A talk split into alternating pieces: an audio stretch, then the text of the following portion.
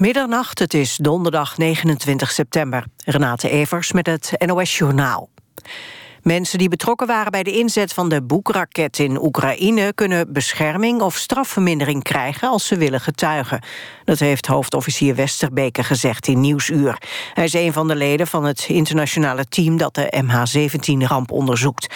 Hij zei dat getuigen gevaar kunnen lopen. Als dat aan de orde is, dan zijn er goede beschermingsprogramma's. Zo hebben Oekraïne en Australië mogelijkheden... om getuigen een nieuwe identiteit te geven, zei Westerbeke. Het onderzoeksteam blijft getuigen oproepen zich te melden... om zo de daders van de vliegramp te kunnen achterhalen. Nederlanders zijn steeds positiever over de Europese Unie... zegt het Sociaal en Cultureel Planbureau SCP. 46 procent vindt het EU-lidmaatschap een goede zaak. Begin dit jaar lag dat percentage nog op 39. De SCP denkt dat dat te maken heeft met de brexit. Op de vraag of Nederland uit de Unie moet stappen... zegt 15 procent ja. Wel vindt iets meer dan de helft dat Nederland... te veel invloed heeft afgestaan aan de EU. De Nederlandse zonneauto Nuna is door de politie in Zuid-Afrika aan de kant gezet, vlak voor de finish van een etappe in de Solar Challenge. De agenten waren nieuwsgierig naar de auto die door zonne-energie wordt aangedreven. Het Nederlandse team had ruim een kwartier nodig om uit te leggen waar het mee bezig was. Daarna kon de wagen onder politiebegeleiding verder. PSV heeft ook de tweede wedstrijd in de Champions League niet weten te winnen. Na de nederlaag tegen Atletico Madrid speelde de Eindhovense ploeg afgelopen avond gelijk tegen FK Rostov. Het werd 2-2. De club staat nu derde in de pool. Het weer, het blijft droog. Minimaal liggen tussen 13 en 17 graden. Overdag bewolkt en in het noordwesten eerst wat regen... die geleidelijk naar het zuidoosten trekt. Het wordt 17 tot 22 graden. Dit was het NOS Journaal. NPO Radio 1. VPRO. Nooit meer slapen.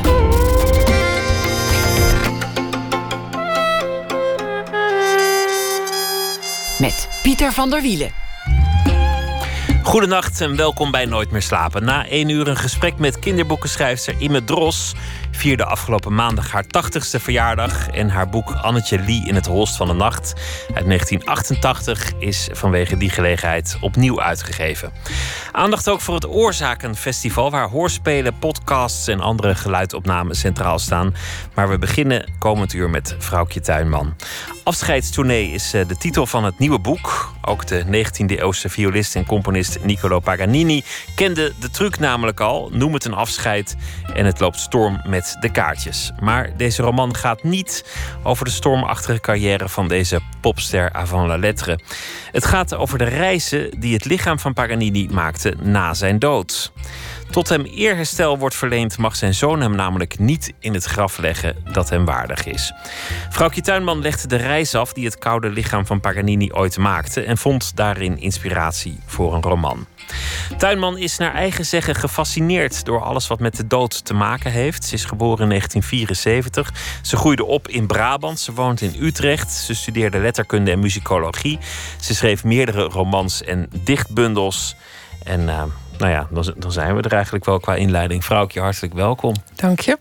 Terwijl, terwijl je volgens mij vrolijk in het leven staat. En niet, niet een heel zwaarmoedig iemand bent. Nee, ik geloof ook van niet, nee. Zo schrijf je ook niet. Nee. En het is ook niet wat mensen over je zeggen. En het is ook niet hoe je, hoe je nu overkomt. Maar, maar een levendige fascinatie voor de dood kan je niet ontzegd worden. Ja, maar het is vanzelf gegaan. Mijn beste vriend ging dood, een jaar of uh, zeven, acht geleden. En uh, aanvankelijk was ik natuurlijk vooral bezig met de rouw om hem. En, en het proberen te begrijpen wat er met hem was gebeurd. Wat je natuurlijk niet kunt begrijpen. Dat leerde ik al heel snel. En, uh, maar gaandeweg merkte ik dat ook rouw in het algemeen me, me, begon te fascineren. En de dood in het algemeen me begon te fascineren. Ik begon er heel veel over te lezen en, en ook over te schrijven. En dat is uh, vreselijk gebleven. Terwijl het een soort zwart gat is, waar, waar je weinig van zult, zult begrijpen, hoeveel je er ook over leest. Ja, maar dat is ook het mooie. En dan heb je ook de, de, de kant van de dood die niet filosofisch, metafysisch of, of religieus ja. is, maar, maar de, de kant die gewoon banaal is. Ja, ik vind de praktische kant ook echt bijzonder interessant. Het, het rotte.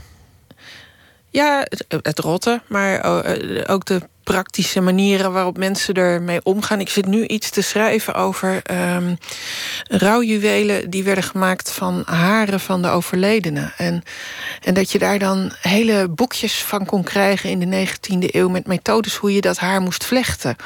En uh, dat waren gewoon gezellige boekjes om daar thuis eens wat dieper op in te gaan. En ja, dat vind ik dan fantastisch. Dat moet ik dan allemaal weten. En ja, dat is ook heel banaal, maar ook mooi.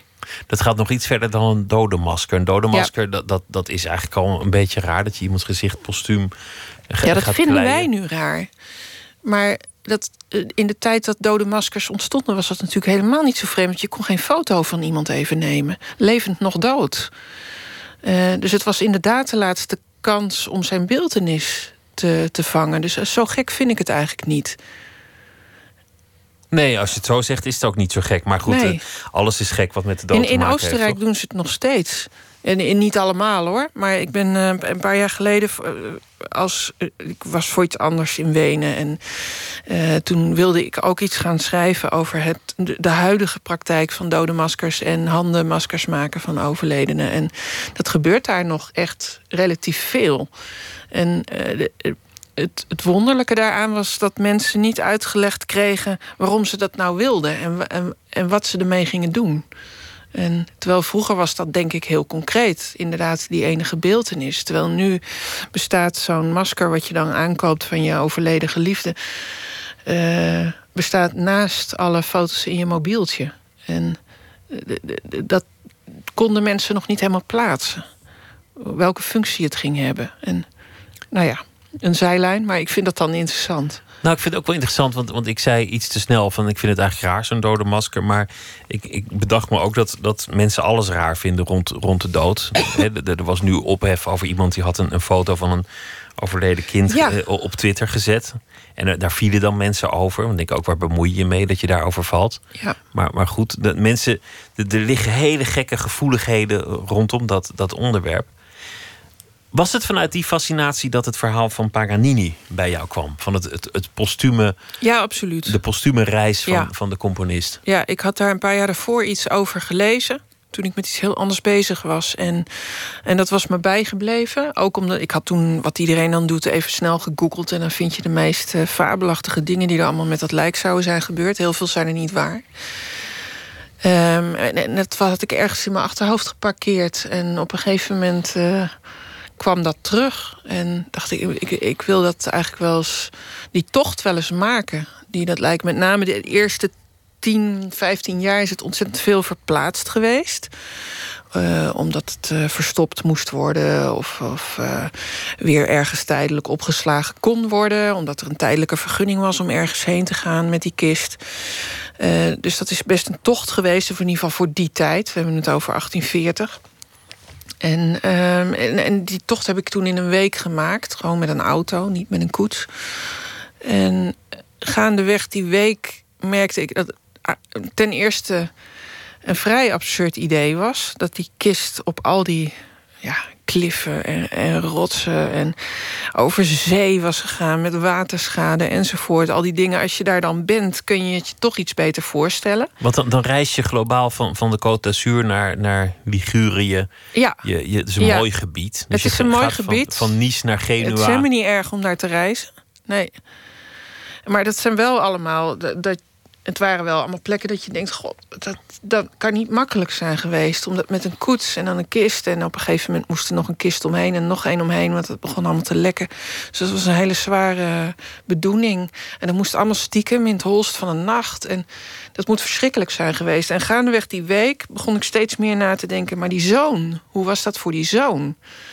Uh, die was veertien toen zijn vader overleed... en nou, die is de eerste tijd natuurlijk wel een beetje uit de wind gehouden door de volwassenen, maar later ook niet. Uh, hij is jong getrouwd, uh, op zijn achttiende, en heeft toen meteen dat lijk, zeg maar, met de, met de uitzet meegenomen naar zijn eerste eigen huis. En ja, dat, dat idee alleen al. Het, het lijk was gebalsemd. Ja, het was de, gebalsemd. Dus dat scheelt iets in stank. Ja. hoewel, als het, als het zo lang boven de grond blijft, zal er op een gegeven moment toch wel iets van, zeker in dat klimaat van de Côte d'Azur, zal er wel iets van lucht. Ja, bovendien hebben ze het pas op de vierde dag, geloof ik, uh, gebalsemd. Dus dat, dat was al niet optimaal. En hij heeft uiteindelijk decennia lang ja. rondgewaard. Ja. Het verhaal maar even meteen, meteen goed vertellen. Paganini was, was een, een violist en componist en, en eigenlijk een popster in zijn tijd. Een, een, ja, een, hij wordt wel eens de Michael Jackson, uh, de eerste Michael Jackson genoemd. Met ook eenzelfde mate van hysterie om hem heen. Ja, hij kon uh, niet uh, makkelijk over straat zonder belaagd te worden. Als, als zijn koets ergens aankwam, dan stonden daar honderden mensen die zich ook op de koets wierpen en op hem proberen te werpen. En ja, uh, in de zaal vielen de vrouwen flauw. Uh, ze boden weliswaar niet zichzelf aan. Dat was toen iets minder concreet dan nu. Maar we gooiden wel hun zakdoek. Hun echtgenoten vonden dat natuurlijk niet altijd even leuk. de mensen wilden koekjes kopen met het hoofd van Paganini erop. En servies en allerlei vreemde objecten. Er was merchandise, die overigens net als nu meestal niet door Paganini zelf werd uitgebracht. En waar hij zelf niet zoveel aan verdiende. Maar dat is nu nog steeds zo. Al die, die, die, die moderne idolatrie, die was er toen ook. En, en dat was relatief nieuw in de muziek. Een andere overeenkomst met Paganini of met, met Michael Jackson is dat hij, dat hij de beste was. Ja. Dat hij door zijn vader mishandeld is. Ja. Dat is een biografisch gegeven. Ja. Ja. En, en dat er enorm veel verhalen over hem gingen, waarvan weinig heel goed waren. Ja, uh, er gingen vanaf het uh, begin echt uh, behoorlijk spannende verhalen over Paganini. En, en, en het gerucht ging dat hij ooit in de gevangenis zou hebben geleef, uh, gezeten. En, en het enige wat daarover in bronnen terug te vinden is dat, is dat hij een week of twee in een gevangenis heeft verbleven. Omdat hij een huwelijksbelofte heeft verbroken.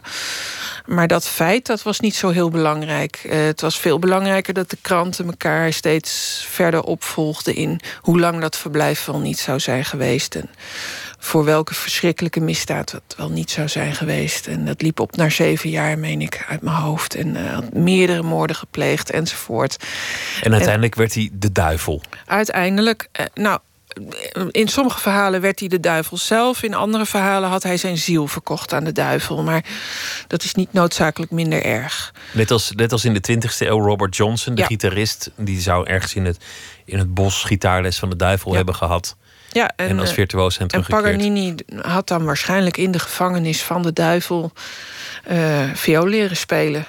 Zoals we allemaal weten zijn gevangenissen net conservatoria. Dus ja, maar hij had daar heel veel voordeel aan, aanvankelijk. En, uh, en ik neem aan, aan, dat ook veel sterren zoals Michael Jackson er voordeel aan hebben gehad... dat er zo ontzettend veel rare verhalen rondom hen hingen. Want het lokt gewoon publiek het zorgt dat mensen toch altijd eventjes willen kijken als je ergens optreedt of als je op televisie bent. En... Eh, het wekt nieuwsgierigheid en, en, je creëert een mythe die groter is dan, dan jijzelf. Ja, en, dat is jouw leven. Uh, hij heeft dat toch ook wel goed gecultiveerd. In ieder geval in het begin, door verhalen niet pertinent te ontkennen. Alleen al dat.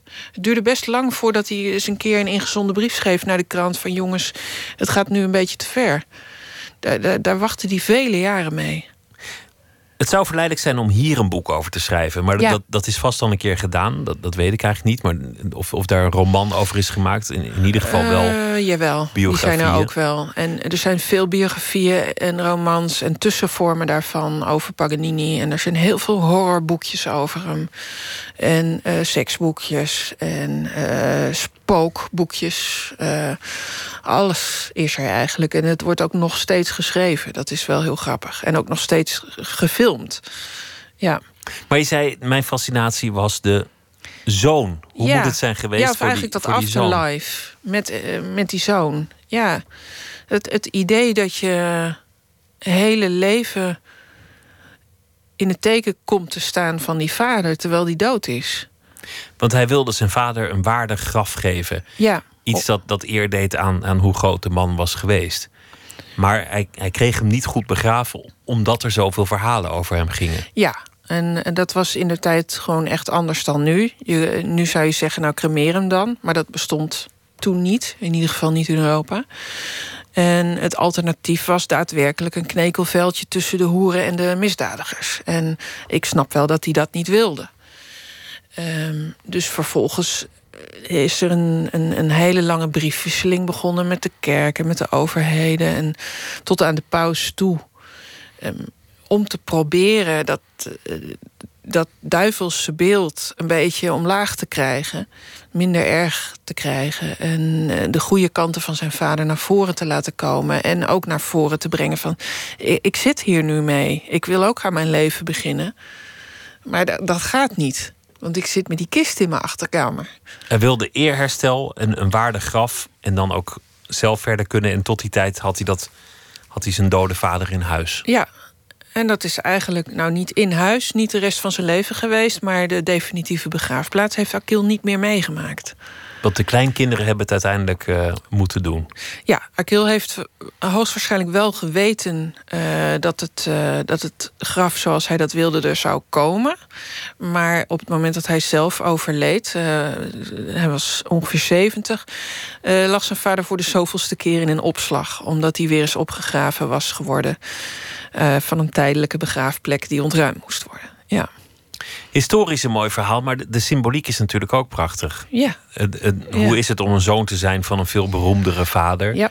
Hoe is het om, om iemand over het graf te zien regeren? Ja. Want, want mensen zijn dood, maar intussen leven ze natuurlijk op allerlei manieren door. Ja. Ben je niet van ze af?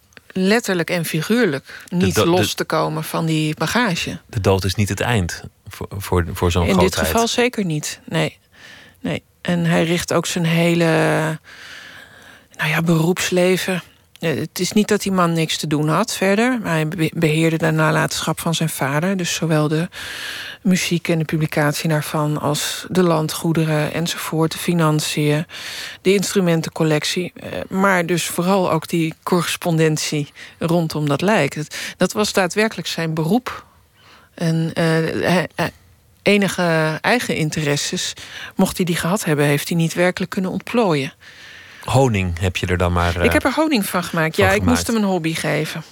Anders werd het wel een heel saai personage. Uh, nou, ik vond het zelf niet zo heel erg. Uh, ik, uh, dat is ook de vraag die het boek een beetje stelt.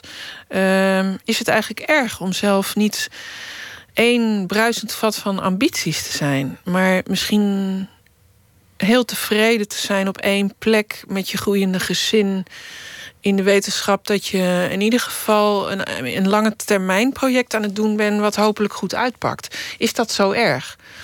Um, ik, ik, geef denk ik geen antwoord in het boek op die vraag. Maar ik moest hem wel een reden geven. Um, waarom hij zijn vader um, op zijn eigen landgoed bovengronds bewaarde. Want dat heeft hij gedaan.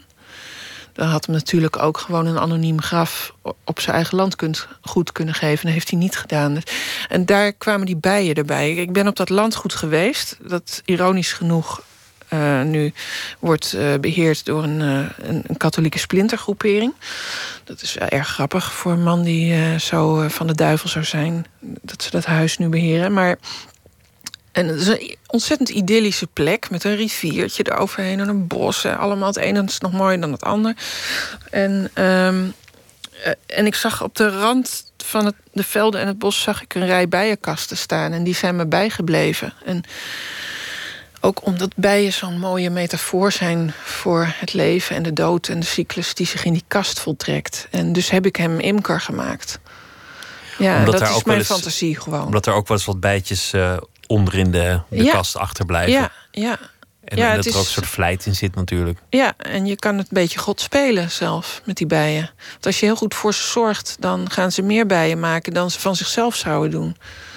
En er is nog, om het, om het verhaal uh, wat meer kleur te geven... ook een, een hebberige ex-vrouw in het, in het spel. Ja. Een, een, een inhalige ex. Ja, Paganini, uh, nou, ex-vrouw niet. Want uh, een van de onconventionele dingen uit Paganini's leven is dat hij nooit getrouwd is. Maar de moeder van zijn zoon, ehm, een, een, een naar verluid middelmatige zangeres, die verkoopt haar kind min of meer. Ehm, dat, is, dat is ook gewoon echt gebeurd. Zoals de meeste, of eigenlijk alle grote gebeurtenissen in dat boek gewoon gebeurd zijn. Zij kregen steeds meer ruzie. En toen haar kind, hun kind, een jaar of twee was, uh, heeft zij een uh, som geld aangenomen om, uh, om ja, eigenlijk verder maar op te rotten. En uh, toen, vanaf dat moment was Paganini alleenstaand ouder. En, uh, maar die moeder is zich later wel gaan proberen. Nou, terug te vechten is een groot woord. Maar zij is gaan proberen opnieuw een rol te krijgen in, het, in een hele Paganini-dynastie. En dat speelt ook mee in het boek. Ja. En dat is de andere kant van, ja. Achille is alsmaar bezig met dat eerherstel, maar de andere kant van de medaille is eerzucht. Um, iets wat zijn vader erg werd verweten in het leven en, en waar diverse mensen in zijn omgeving nog altijd last van hebben. Mensen die het helemaal willen maken tegenover ja. de man die dat eigenlijk ja. helemaal niet, ja. niet wil en die veel eenvoudiger ambities heeft. Ja, en dat contrast, daar heb ik ook wel over geprobeerd te schrijven. Ja. Laten we luisteren naar uh, een stuk van Paganini. En dat is een uh, Russisch-Amerikaanse violist die het speelt, Alexander Markov. En het is uh, een van de capricces.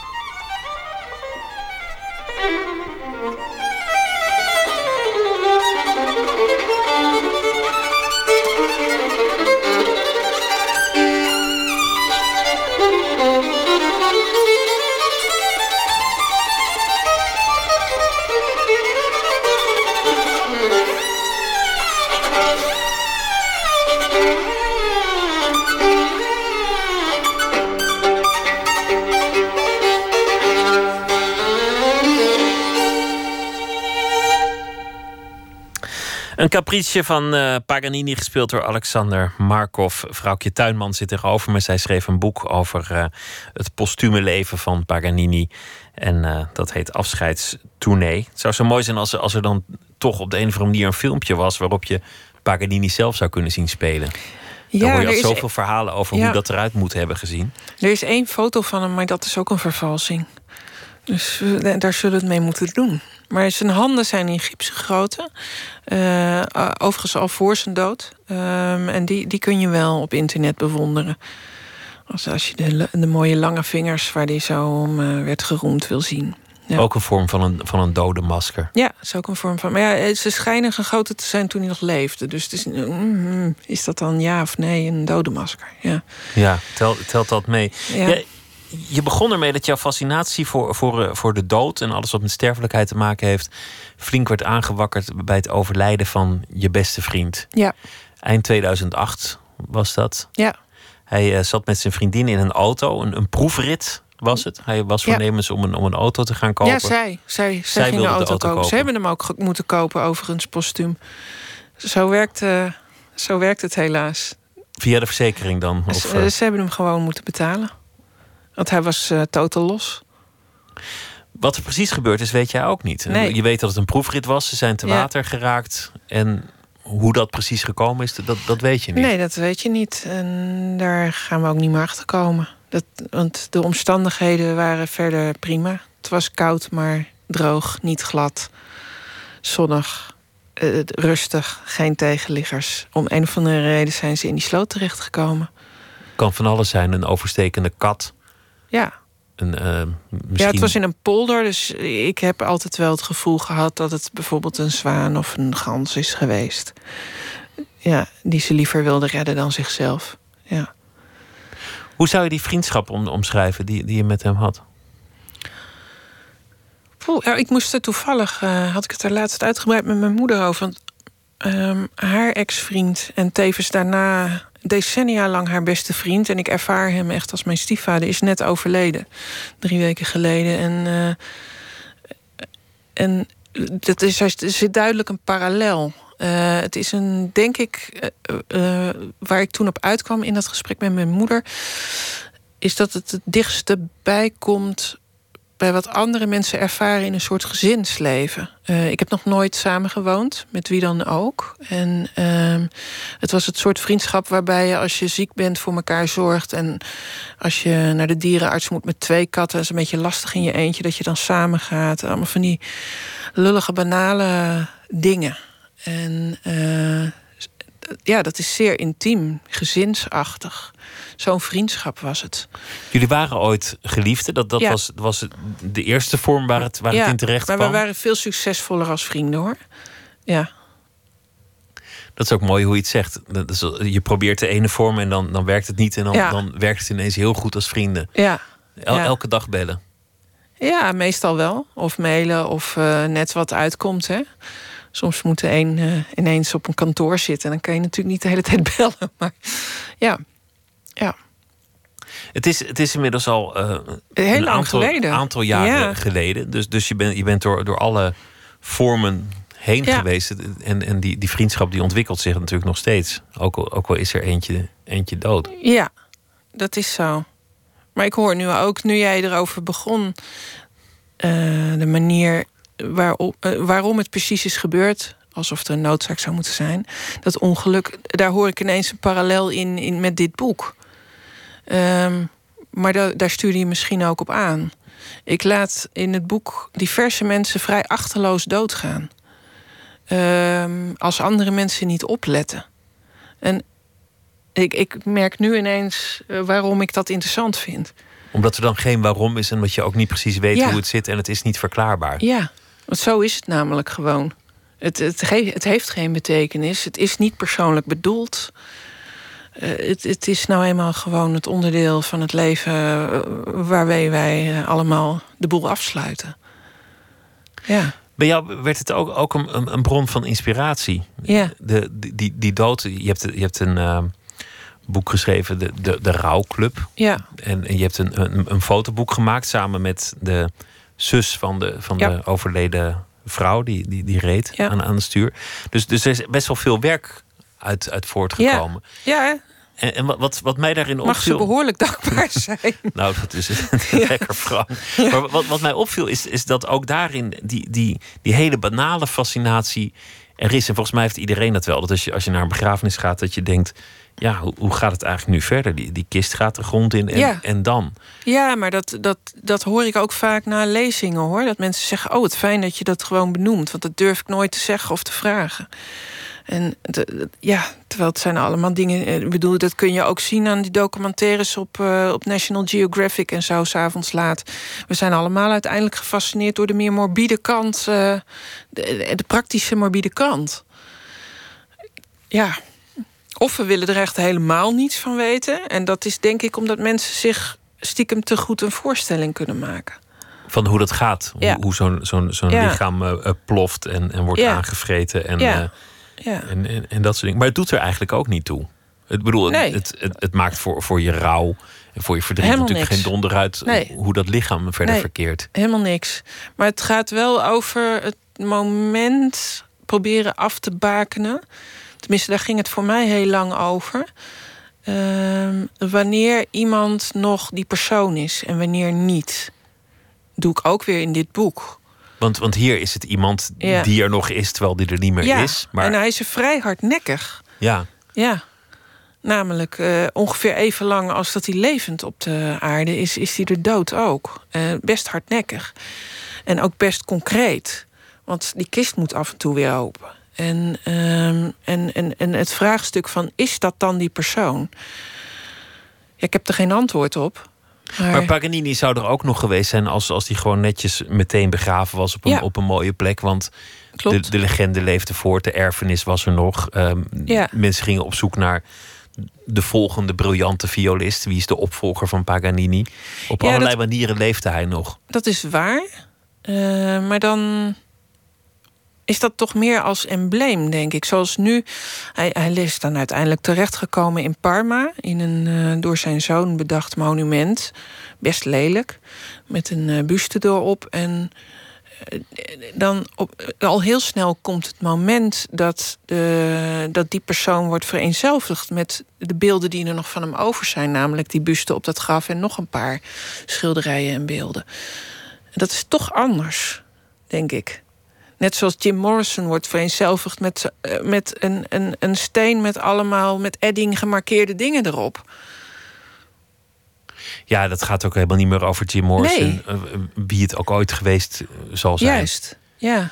Maar, Dus- maar het is toch iets dat gebeurt. Want, want in jouw leven, ik ben met, met jou, jouw beste vriend bijvoorbeeld, je, je bent meer mensen verloren inmiddels natuurlijk. Maar Ja, en daarvoor ook al. Maar op de een of andere manier was dit een eikpunt. Heb je daarin ook het gevoel dat, dat, hij, dat hij nog doorleeft en dat hij nog overal aanwezig is? Of is, dat, is dat nu minder? Nee, ik durf daar ook nauwelijks uit om te zeggen. Maar het is echt nee. Nee, hij is echt heel erg ver weg nu. Ja. Sinds een jaar of twee, drie. Ja. Terwijl, en, en, Waar merk je dat aan? Ehm, en, eh, nou, het gebeurde op het moment dat ik ouder werd dan eh, hij is geworden. En ik begin hem op de foto die op mijn piano staat als een eh, jonge jongen te ervaren. Dus die afstand wordt letterlijk steeds groter. Want hij was 39. Hij was 39, ik ben nu 42. Ja, dus dat, dat is ongeveer op dat moment is dat verschoven. Van, eh, dat, dat het dan toch irreëel wordt. Ja. Ja, Wat je in de roman De Rouwclub beschreef, en dat vond, vond ik een mooi gegeven. Je wordt gebeld, er is een dierbare overleden. Je, je, Ja. je moet ergens naar een plek toe. In, in dit geval was, het- was het, het ziekenhuis, geloof ik, waar, waar je meteen naar, naartoe ging. ja, En daar ontmoet je mensen die je nog nooit hebt ontmoet, met wie je vanaf dat moment een band hebt. ja. Of je wil of niet. Of je nou wil of niet, want je Ja. staat te wachten op Ja. nieuws over, de, over dezelfde persoon. Ja, Uiteindelijk wordt dat een soort vriendschap. Dat is het gegeven in, het, in het boek. ja, Uiteindelijk gaan die mensen ook een keer naar de Efteling. ja. Dan Van nou ja, laten we elkaar nog Ja. eens zien. Laten we dan maar naar, naar de Efteling gaan. Want daar ging hij of zij zo graag heen. Ja. Is, is dat ook echt gebeurd? De, de, De, Efteling, is eh, absoluut autobiografisch. Heel veel in de rouwclub niet. Voor mijn gevoel schreef ik op dat moment ook echt best therapeutisch een boek.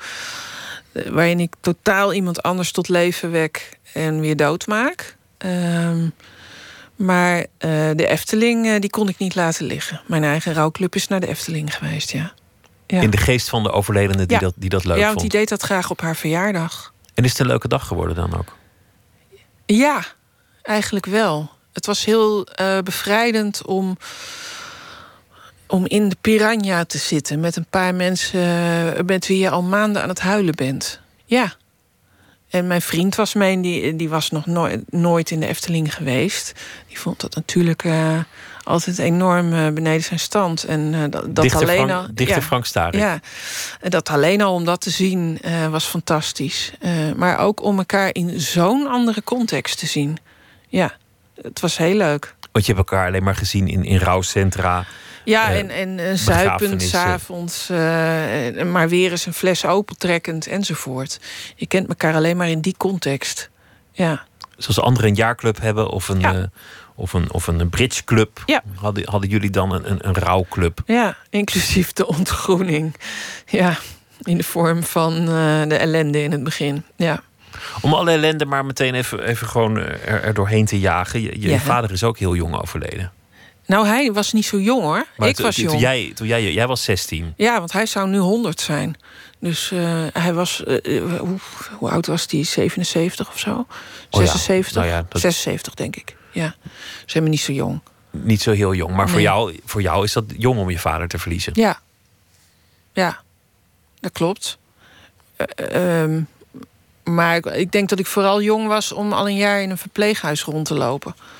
Eerlijk gezegd. Want je had niet zo'n hele goede band met. eh, Ik had een eh, vrij moeizame vader. Ja. Ik had een vrij tyrannie. Ik denk. eh, ik herkende me wel een beetje in hoe Paganini over zijn vader sprak. ja, een tiran. ja, ja. Dus, ehm, dus dan is dat vooral heel erg dubbel. Als iemand op een gegeven moment, eh, in, in dit geval, heel erg ziek en ook zwakzinnig wordt. En, en je daar toch je mee moet verhouden. Met die meneer die eh, nog steeds eng is, terwijl die ook duidelijk heel erg zielig is. Het was een zwakke man terwijl je eigenlijk nog bang voor hem Ja. was. Ja, absoluut. Ja. Wat, wat was er zo tyranniek aan hem? Ehm, hij was heel erg boos. ja, dat Van is eigenlijk de samenvatting. Dat weet ik niet, want ik heb hem natuurlijk... Ik werd, eh, hij was ongeveer 60 toen ik werd geboren. Dus er zit zo'n leven voor, dat weet ik niet. Maar hij was zo verschrikkelijk boos. Op, en, en verbitterd over alles wat niet was gebeurd... en alles wat hem was ontgaan. En eh, ja, het is ook heel verdrietig. Dat het zo zonde gelopen van de is voor hem. tijd. Ja, ja, en die boosheid die reageerde die eh, af. Ehm, nou, ja, voornamelijk op mij, eh, op het laatst. Dus Wat deed hij dan? Slaan? nee, nee, nee, verbaal. Altijd heel erg boos worden en tirades houden. En ehm, als ik in het weekend kwam, alle woede van de hele week eh, die hij had opgekropt op mij ventileren. Gewoon over de wereld. Over de wereld. Ja, Gewoon- gewoon lekker Ja, want ik deed niet zoveel hoor. Dus eh, Je had, je had het ook niet in je hoofd om veel te doen. Nee, nee, er was ook niet veel ruimte voor. Dus eh, nee. Dus je hebt eigenlijk geleerd om jezelf heel klein te maken. Om, Ja. om jezelf een beetje onzichtbaar te maken. Ja. Ja, En, dan, en dan zat die vader, die, die zat daar te mopperen. te fulmineren. En, waar waar eh, ging dat over? Over politiek of over, over dat, kennissen? Dat over... ging werkelijk over alles, inderdaad. Oh, Dat kon over de bakker gaan. Dat kon over gaan dat er weer een, eh, een zwart iemand op tv was geweest. Want daar was hij heel erg tegen. Tegen zwarte mensen. Ja, ja. Trouwens ook, hij was wel consequent tegen Joden en tegen Duitsers. Eh, maar eh, ja, of, of iets wat hem op straat was overkomen... of iets wat hij in de krant had gelezen. Dat, het was vrij onuitputtelijk. Hij overleed toen jij 16 was. Hij was, hij was wat, wat ouder dan je, dan je moeder. Ja, dat, dat moet, 30 jaar. Ja, 30 jaar ouder dan je moeder. ja. Hoe, hoe ben je onder hem uitgekomen? Nadat hij overleden was. Hoe, hoe heb je dat van je afgeschud? Want, want je hebt er toch jezelf allerlei dingen aangeleerd. die daarna makkelijk hadden kunnen doorwerken in je bestaan. Zoals, zoals jezelf op de vlakte houden om, om gezeik te voorkomen. Ja, maar het is ook andersom. Ehm, en dat ben ik ook later wel duidelijk gaan beseffen. Op de een of andere manier, of in ieder geval ik, eh, heb er toch eh, ook veel voordeel uitgehaald. Ik ben best heel zelfstandig geworden. Ik ben heel eigengereid geworden. Het is niet voor niks dat ik nog nooit voor een baas heb gewerkt. Maar altijd voor mezelf. En dat ik altijd heel zeker wil weten waarom ik dingen doe. Eh, eh, en als ik ze niet leuk vind, dan, dan weet ik dat ik ze mezelf moet verwijten. En daar heb je allemaal heel veel voordeel bij. en dat komt niet- uit datzelfde voort. Je wilde niet in de val trappen die je vader eh, in, in Ja. was gaan staan. Ja, ja. Dus je, hebt daar indirect ook wel wat aan. Dat is wel natuurlijk niet de bedoeling geweest. En ik neem aan dat het ook wel deels karakter en aanleg is. Eh, je kan ook enorm slachtofferig worden. Maar ja, ik, ben, eh, ik heb er ook gewoon veel voordeel van. Is dat werkelijk een angst? Dat, dat, dat je de, de, de, afslag van je vader zou nemen? Heb je wel eens tegen jezelf gezegd van... oh, oké, niet dit doen, want dan word je net als je vader? Nee, dat niet. Het is niet zo'n concrete angst, maar ik merk wel dat ik een zeer grote allergie en intolerantie, noem het maar gerust, eh, heb ten opzichte van mensen ehm, die bitter zijn en slachtofferig zijn en ehm, de schuld buiten zichzelf leggen.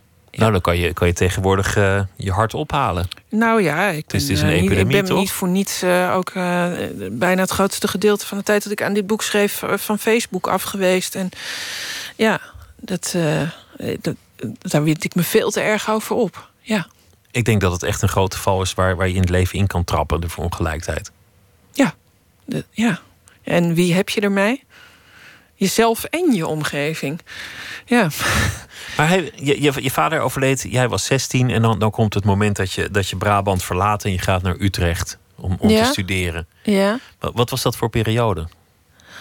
Ehm, nou, ik, ehm, toen ik introductie eh, deed bij de, de eerste week van de universiteit, toen ehm, heb ik dat op tienertour gedaan, want ik was nog pas 17, dus ik had geen overjaarkaart. Dus, ehm, dus dat was best eh, een aparte periode. Ehm, ik, ik, ik heb het altijd geweldig gevonden om te leren en te studeren. Ik zou het zo weer doen, als het kon. Maar het was ook, het was ook je, je ticket weg van, van waarin je was opgegroeid. Nee hoor, want ik ben pas in mijn derde jaar uit huis gegaan. Nee, dat viel ontzettend mee. En eh, ik, ik, ik werkte nog voor allerlei krantjes in Den Bosch. En eh, ik vond het allemaal prima hoor. Dus ik heb nooit zo de drang tot vluchten gehad. Anders was ik misschien ook wel naar Amsterdam gegaan. En, uh, en nog altijd uh, ga ik in Utrecht voor een heel groot deel niet bewust, niet gekozen, maar in de praktijk is het wel zo om met mensen die uit, uh, uit Brabant komen. Dus nee, ik geloof niet dat ik die drang erg heb. Nee. Je hebt wel eens geschreven over je vader in, in, in, in, je poëzie. Ja. En, en dan schreef je ook dat hij, dat hij een zwak gestel had. Ja. Dat hij, dat hij uh, nou ja, meer, meer kwaaltjes had dan de medische encyclopedie kon herbergen. Ja, ja, in mijn laatste bundel staat er een gedicht over... wat mensen altijd best um, chockerend vinden, geloof ik. Dat, dat je echt zo alles opschrijft. had. Dat, je, dat hij zoveel had dat je nauwelijks weet... waar hij uiteindelijk is doodgegaan. Ja.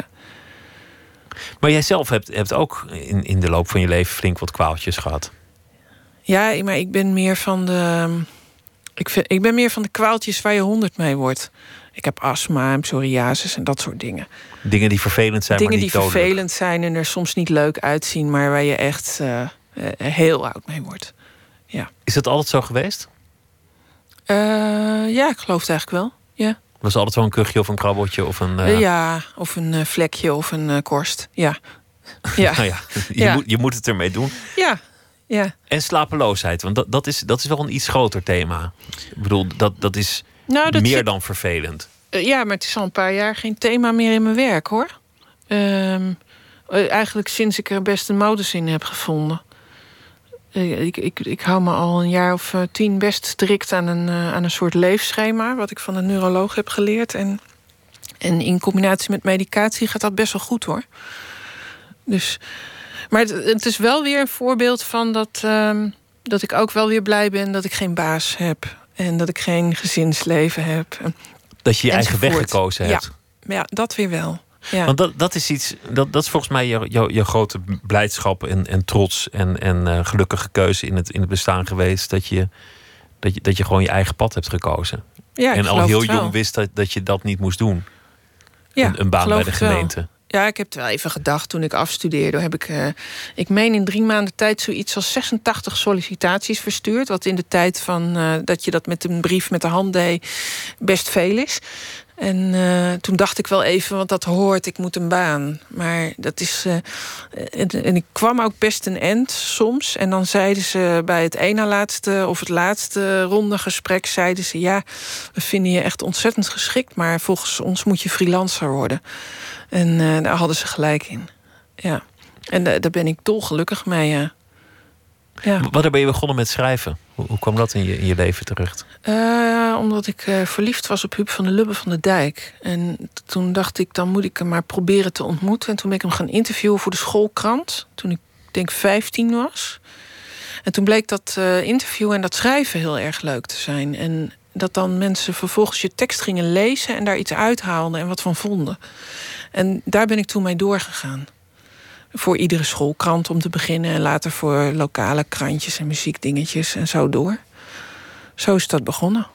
En je doet dat nog steeds ook, hè? Journalistieke dingen. Ik doe dat gewoon nog steeds. Ja, en, nee, ik heb ook geen drang om daarmee te stoppen. En, Nee. en, festivals. Het is meestal of ik je de put in zit te praten. Van nou ja, de, eh, ieder- iedereen is dood en je, je jeugd Nee, was hoor. ongelukkig en, en, je, en je had kwaaltjes. Maar wat nou zo leuk is aan jouw werk, is dat je over, over die dingen schrijft.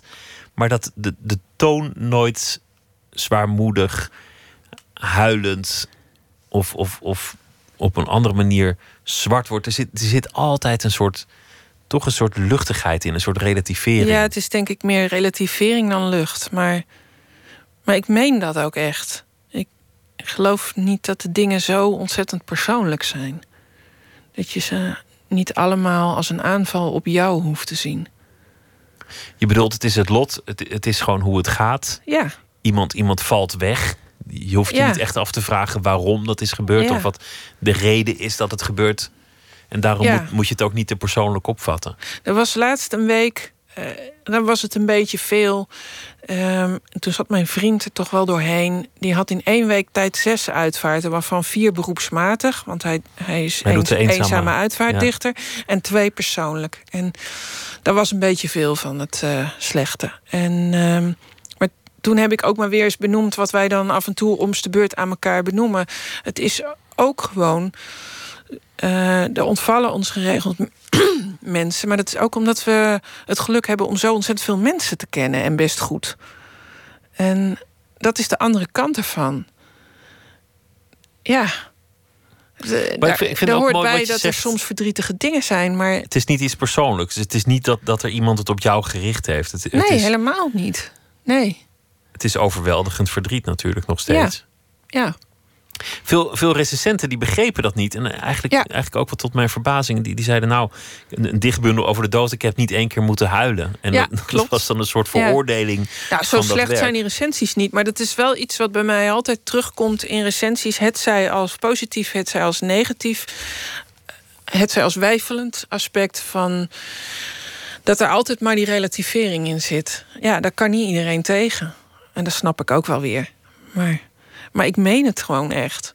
Ik vind het juist mooi. Ik vind, ik vind het juist Ja. mooi dat, dat, je, dat je zelfs je grootste leed kunt relativeren. Ik vind het ook een vorm van beschaving. Ja, maar dat gaan sommige mensen denk ik ook luxe beschaving vinden. Maar ik denk dat dat nu ook weer gaat komen met dit boek. Dat er toch iemand gaat zeggen. Eh, da- daar heb ik ook op een gegeven moment tegen de uitgeverij gezegd. Het is wel goed dat ik het nou gewoon een keer live benoem dan. Eh, de Achille, de zoon van Paganini.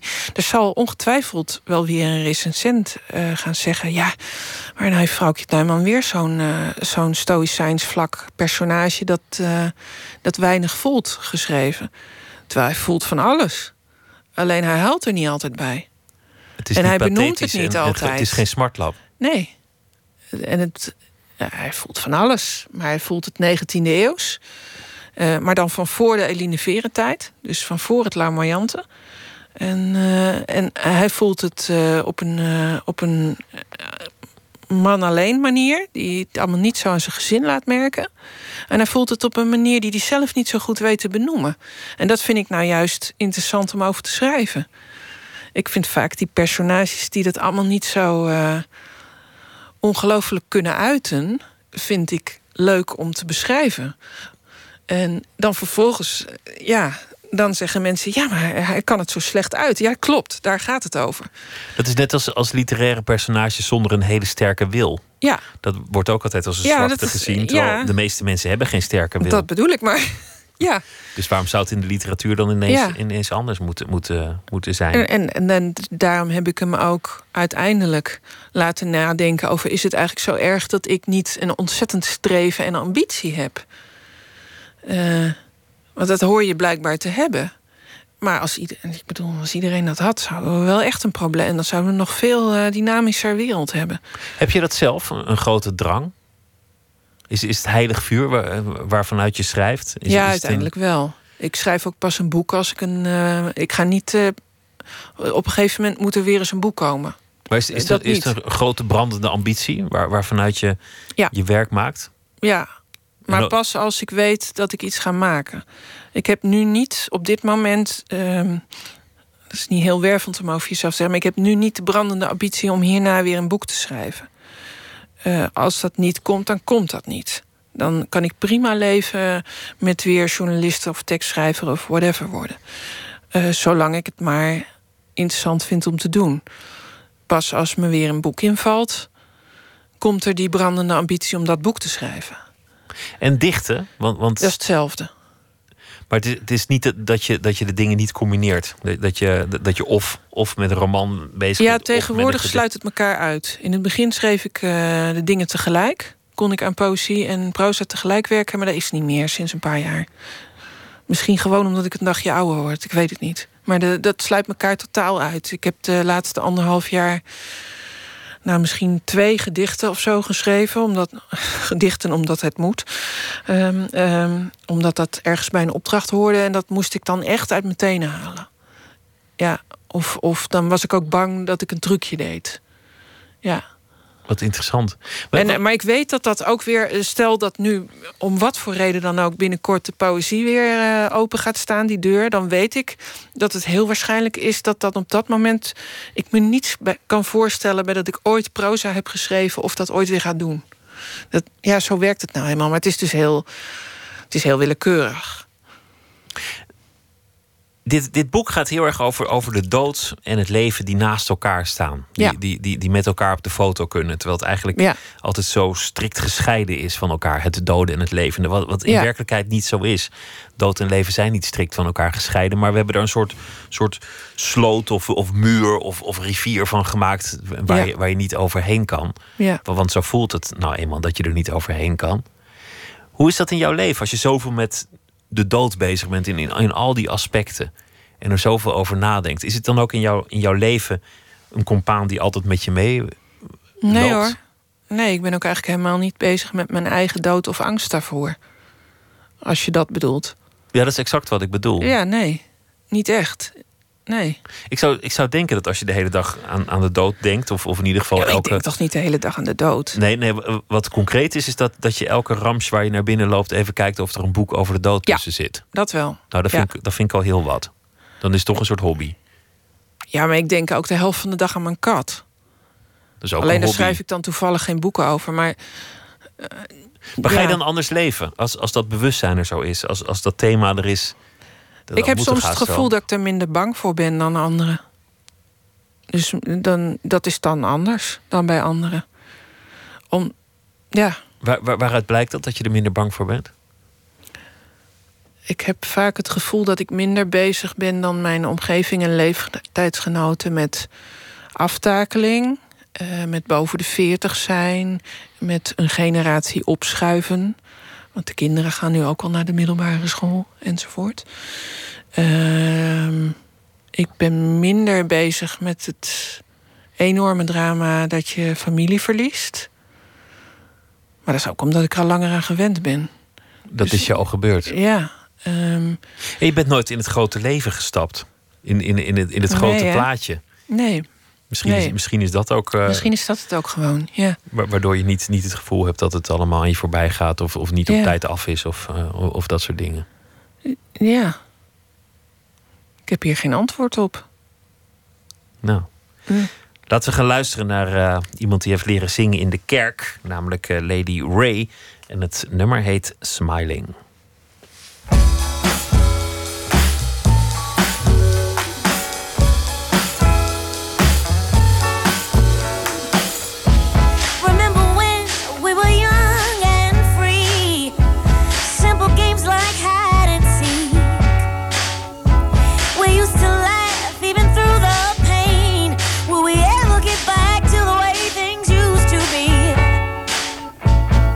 Just keep on smiling.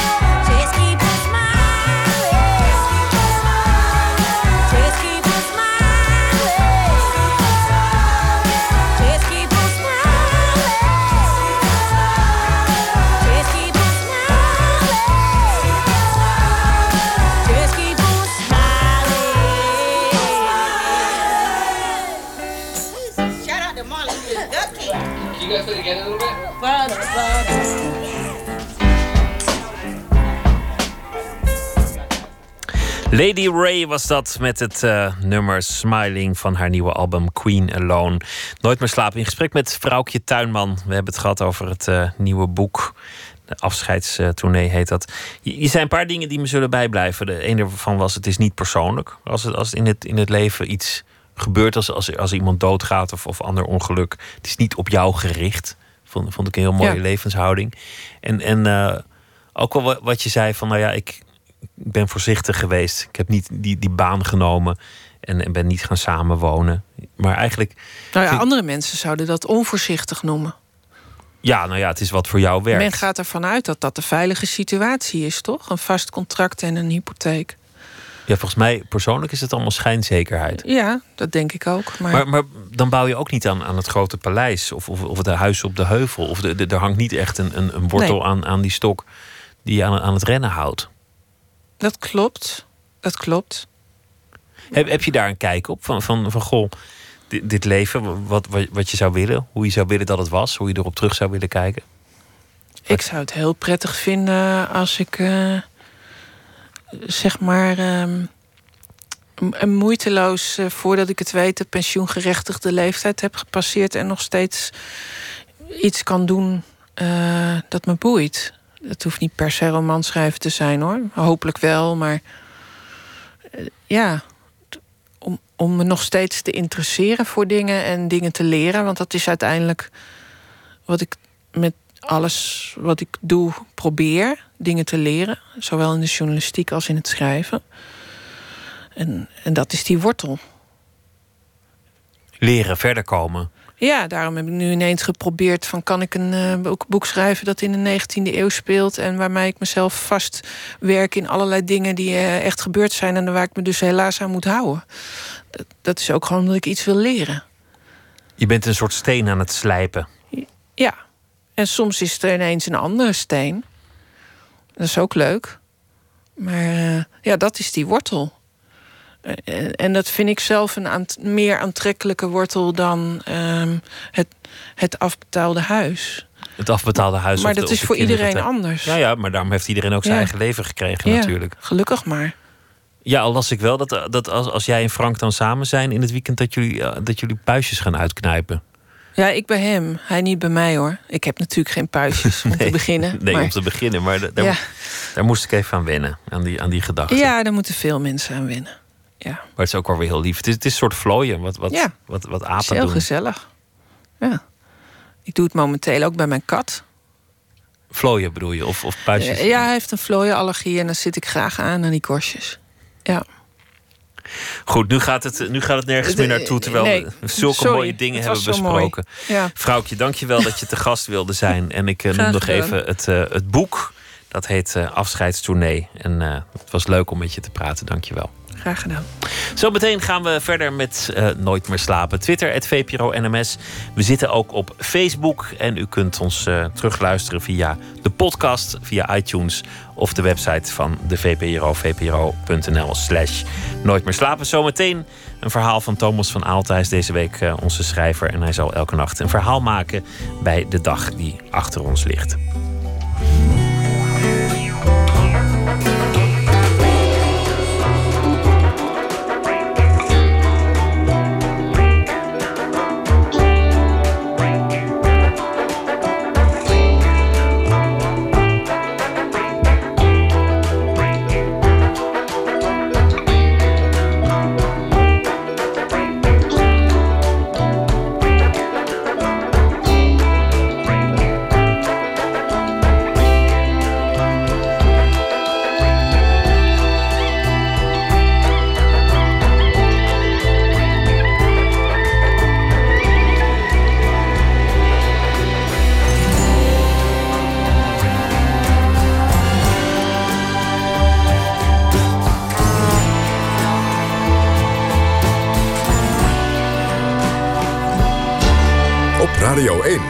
Nieuws van alle kanten.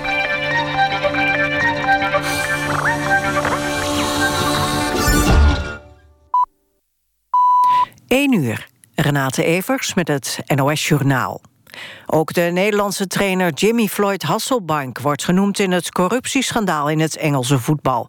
De krant The Telegraph heeft ook Hasselbank, de trainer van Queen's Park Rangers, in de val gelokt en gefilmd. Gisteren moest de Engelse bondscoach al opstappen. Hasselbank zei tegen undercoverjournalisten dat hij voor 55.000 pond wel ambassadeur wil worden van een Aziatisch bedrijf dat investeert in voetballers. Het Amerikaanse congres heeft een veto van president Obama tegen een wet van tafel geveegd. Een grote meerderheid wil dat de wet er toch komt. Daarin staat dat nabestaanden van de aanslagen van 11 september 2001 de regering van Saoedi-Arabië kunnen aanklagen. De meeste daders hadden de Saoedische nationaliteit. Maar het land heeft steeds gezegd dat de overheid geen banden had met de terroristen. Obama is bang dat de relatie met Saoedi-Arabië verslechtert door de wet. Nederlanders zijn steeds positiever over de Europese Unie, zegt het Sociaal en Cultureel Planbureau SCP. 46 procent vindt het EU-lidmaatschap een goede zaak. Begin dit jaar lag dat percentage nog op 39. Het SCP denkt dat dat te maken heeft met de brexit. Op de vraag of Nederland uit de Unie moet stappen, zegt 15 procent ja.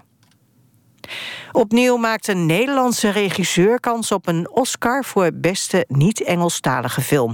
The Idol van de Palestijns-Nederlandse regisseur Abu Assad... is door de Palestijnen ingestuurd voor deze belangrijke filmprijs.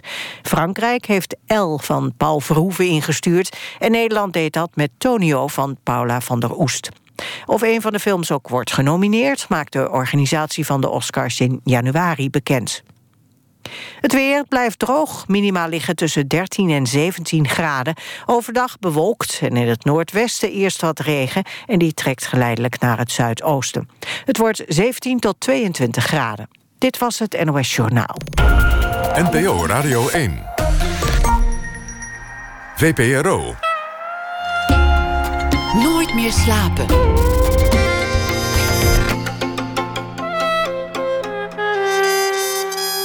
Met Pieter van der Wielen. Straks aandacht voor het Oorzakenfestival, een driedaags audiofestival in Amsterdam in de Brakke Grond, waar aandacht zal worden besteed aan podcast, radio, hoorspel en andere geluidsverhalen. De legendarische kinderboekenschrijfster Imme Dros komt op bezoek. Zij heeft 16 keer de Zilveren Griffel gewonnen en deze week werd zij 80. Maar we beginnen met Thomas van Aalten. Hij is schrijver van acht romans en deze week zal hij elke nacht een uh, verhaal maken bij de voorbije dag. Goedenacht, uh, Thomas. Goedenacht. Vertel eens, wat, uh, wat is het geworden vandaag? Um, vandaag stuit ik op nieuws dat het lerarentekort in Amsterdam snel toeneemt. Dus over ongeveer nou, een paar jaar zijn er honderden leerkrachten te weinig voor met name basisscholen. En nou ja, dit is zo'n nieuwsbericht, dat is, daar kun je bijna de klok gelijk opzetten. Onder zoveel tijd komt dit, uh, komt dit bericht langs. Maar die, uh, ja, wat mij dan vooral uh, verrast is dat, dat en waar komt dat nou door? Dat de huidige docenten die gaan vooral met pensioen en nou ja, de lerarenopleiding.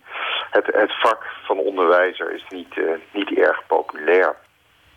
En ja, dat, dat is natuurlijk een discussie die ook al wat langer speelt. En daar mijn verhaal over geschreven. Of in elk geval het, uh, het onderwijs en ook het onderwijs van de leer. Ja, want het is, het is waar wat je zegt. Je, je, je, leest dat wel vaker. Sterker nog, ik kan me herinneren dat dat twintig jaar geleden ook al in de krant stond... Mm -hmm. dat, het, dat er leraren tekort aankwam. En dat, dat lijkt een soort stabiele toestand die maar doorgaat. Aanstaand lerarentekort. Ja, en uh, maar, maar het huidige probleem. Dus in de ja, basisonderwijs, dat is één ding. Maar er zijn ook uh, grote tekorten op de lerarenopleidingen. En dan met name de exacte vakken. En las ik klassieke talen. Nou, kan ik me daar wat, uh, ook wel wat bij voorstellen. Maar het is dus echt een, uh, een schreeuwend tekort. En toen, toen ik dat las, vroeg ik me af... ja, maar als er zo weinig mensen zijn die kennelijk behoefte hebben... om exacte vakken te het te, willen onderwijzen, overbrengen. Hebben wij er dan als maatschappij nog behoefte aan? En dat is misschien een beetje een linker, linker gedachte, maar dat, het speelde wel door mijn hoofd. Van ja, als er nog maar, noem maar wat hoor, en dat zal niet alleen voor Amsterdam gelden, maar als er zoveel, in zoveel eh, gebieden zo weinig animo is voor het vak van, nou ik noem maar wat, natuur of scheikunde. Ja, welke plek heeft dat dan in ons, eh, in ons eh, onderwijsklimaat? Juist, ik snap de vraag. Nou, ik ben benieuwd naar het verhaal. Ga je gang. waar ik was. Mijn oudste dochter moest de provincies kennen. Nou moet ze dat volgens mij al aardig lang, maar het schiet niet erg op. Ik kreeg voor de zoveelste keren een beduimeld vod onder de ogen. De kaart van Nederland vele malen gekopieerd. De auteursrechten inmiddels niet met te achterhalen. En vermoedelijk is de educatieve uitgeverij reeds lang ter ziele. Waar woon je eigenlijk zelf op deze kaart? Mijn dochter, negen jaar, haalde haar schouders op. Wees iets aan ter hoogte van Almere. Nee, daar woon je niet. Je woont hier. Waar denk je dat oma en opa wonen? Ze wonen bij de zee. Nee, niet in Groningen. Zover is dat toch niet rijden. Het is dichterbij. Ja, daar ongeveer. Goed. Kun jij je nog herinneren dat we zeehonden loslieten op een zandplaats? Ja, dat was daar. In Groningen. Lang rijden. Weet je nog? Toen werd je ook nog zo misselijk naar de McDonald's. Nou, dat is dus Groningen. Moet je zien wat een eind rijden. En terwijl ik boven het A4 hing, herinnerde ik me plots schoolkamp. Op beduimelde matrassen sliepen we op een tochtige zolder. Onder de balken van een prehistorische hut. We maakten soep, bakten brood en hoeden schapen. En deze activiteit werd afgewisseld met dubieuze seances. Waarbij de kampleider met paardenstaart en dierenbeenderen aan een leren veter om zijn nek om Wodan riep. En het slapen op een zaal met meerdere personen behoort tot foltering van de ergste soort. Eenzaam en verkrampt lag ik tijdens dat schoolkamp in mijn slaapzak, verlangend naar mijn eigen bed en mijn familie. Ik leerde vast veel, maar waar ik was, wist ik niet. Herinneringen aan de, de schooltijd als eh, verhaal, als illustratie bij het verhaal dat eh, er leraren tekort dreigt. En dan vooral in de exacte vakken. En toen vroeg jij je af, ja, hebben die dan eigenlijk wel zo'n grote plek in de samenleving? Maar voor de, voor de kenniseconomie is dat natuurlijk wel weer heel belangrijk om mooie nieuwe gadgets te bedenken. Ja, eh, absoluut. Maar kennis is dus wat anders dan informatie. Misschien stouwen we kinderen te veel vol met informatie. Moeten we ze leren daar, daar kennis van te maken. En dat, nou ja, dat je, het verhaaltje verrijkt het al eigenlijk. Dat, dat ga je niet krijgen door een standaard rijtje met die provincies uit je kop te leren. Want dan kun je ze net zo goed eh, ja, het rijtje van de, het be- brandbeveiligingsbedrijf uit hun kop laten dreunen. Dat, dat gaat dan niet leven.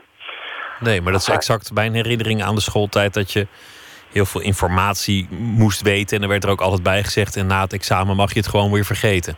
Exact, ja. Thomas, dankjewel en een hele goede nacht. Tot morgen. Hetzelfde. Zijn echte naam is van Pierre Salowski, maar eh, hij klinkt eh, natuurlijk makkelijker als hij zich Van William eh, noemt. Hij werkt samen met de zussen van First Aid Kit en hij heeft het volgende nummer uitgebracht en het heet Revolution.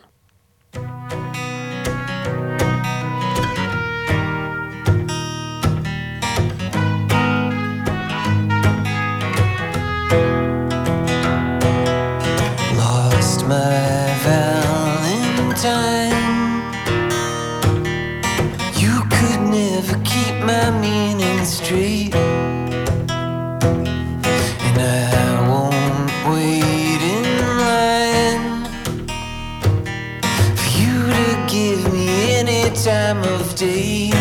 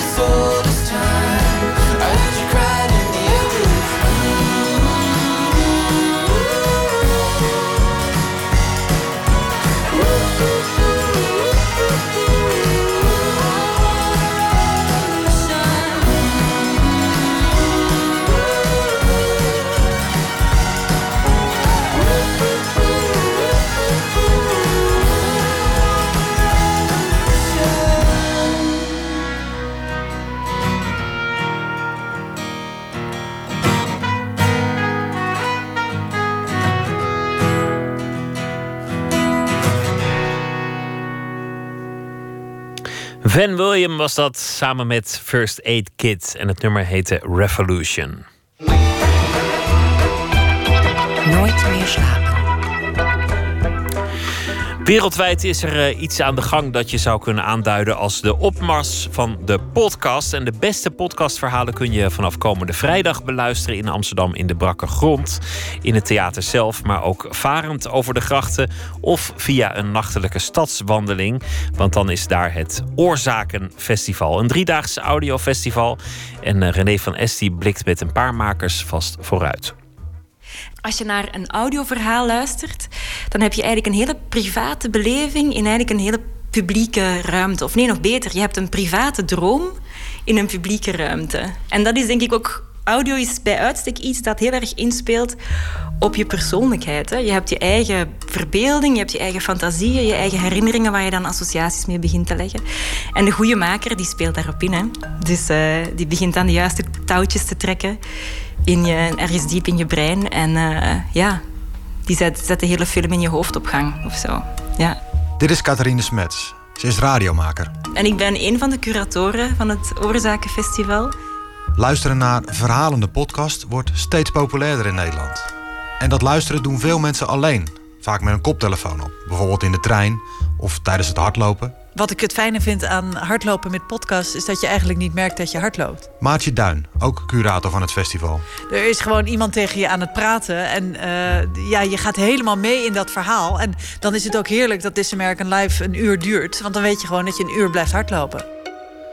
Maar het Oorzakenfestival laat zien dat je veel meer kan doen met die audioverhalen. Ja, dat het ook geprogrammeerd wordt in theaters. En dat vind ik wel heel fijn. Dat vind ik wel heel tof, ja.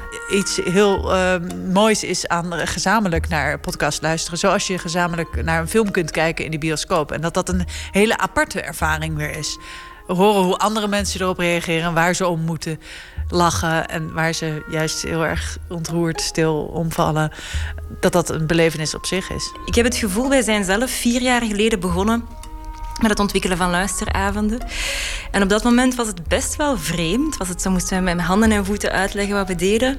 En ik ben heel blij dat die, dat die vorm opeens veel meer aansluiting vindt en dat veel mensen er toegang toe vinden. Dus we dachten, de tijd is rijp om, om nu een festival te doen met allerlei mogelijke gekke vormen die ontstaan uit die audioverhalen. Of het nu een boot is, of een audioguide buiten, een wandeling, of een luisteravond, of een soort van installatie. Dus eigenlijk alles wat gebaseerd is op audioverhalen en dat dan in elke mogelijke vorm. Maatje Duin geeft me een rondleiding in de brakke grond. Hier ben je ook al even geweest? Nee. Oh, hier, is dus de, hier komt de expo. Hier komen de luisterinstallaties. Er komt onder andere een prachtige installatie van Sanne Rovers en Laura Stek. Um, ze hebben samen een installatie gemaakt op basis van telefoongesprekken... die uh, eenzame ouderen hebben met de zilverlijn. En um, in deze installatie kun je je dus eigenlijk... Je kunt zitten in een, in een uh, fauteuil met een uitzicht alsof je zo'n eenzame oudere bent. En uh, dan hoor je die gesprekken. En dat zijn hele ontroerende gesprekken van mensen die ja, eigenlijk eens in de week iemand spreken. En dat is die vrijwilliger van de Zilverlijn. Ja, goedemiddag mevrouw. Dag Freek. ja, dat, dat klopt. Hoe is het met jou? met mij gaat het goed. Ja, ik zit naar een merel te kijken. Er is een merel. Ja. En die heeft, uh, mijn buurman die heeft in zijn schuurtje zijn opening. En daar heeft een merel zijn nest gemaakt.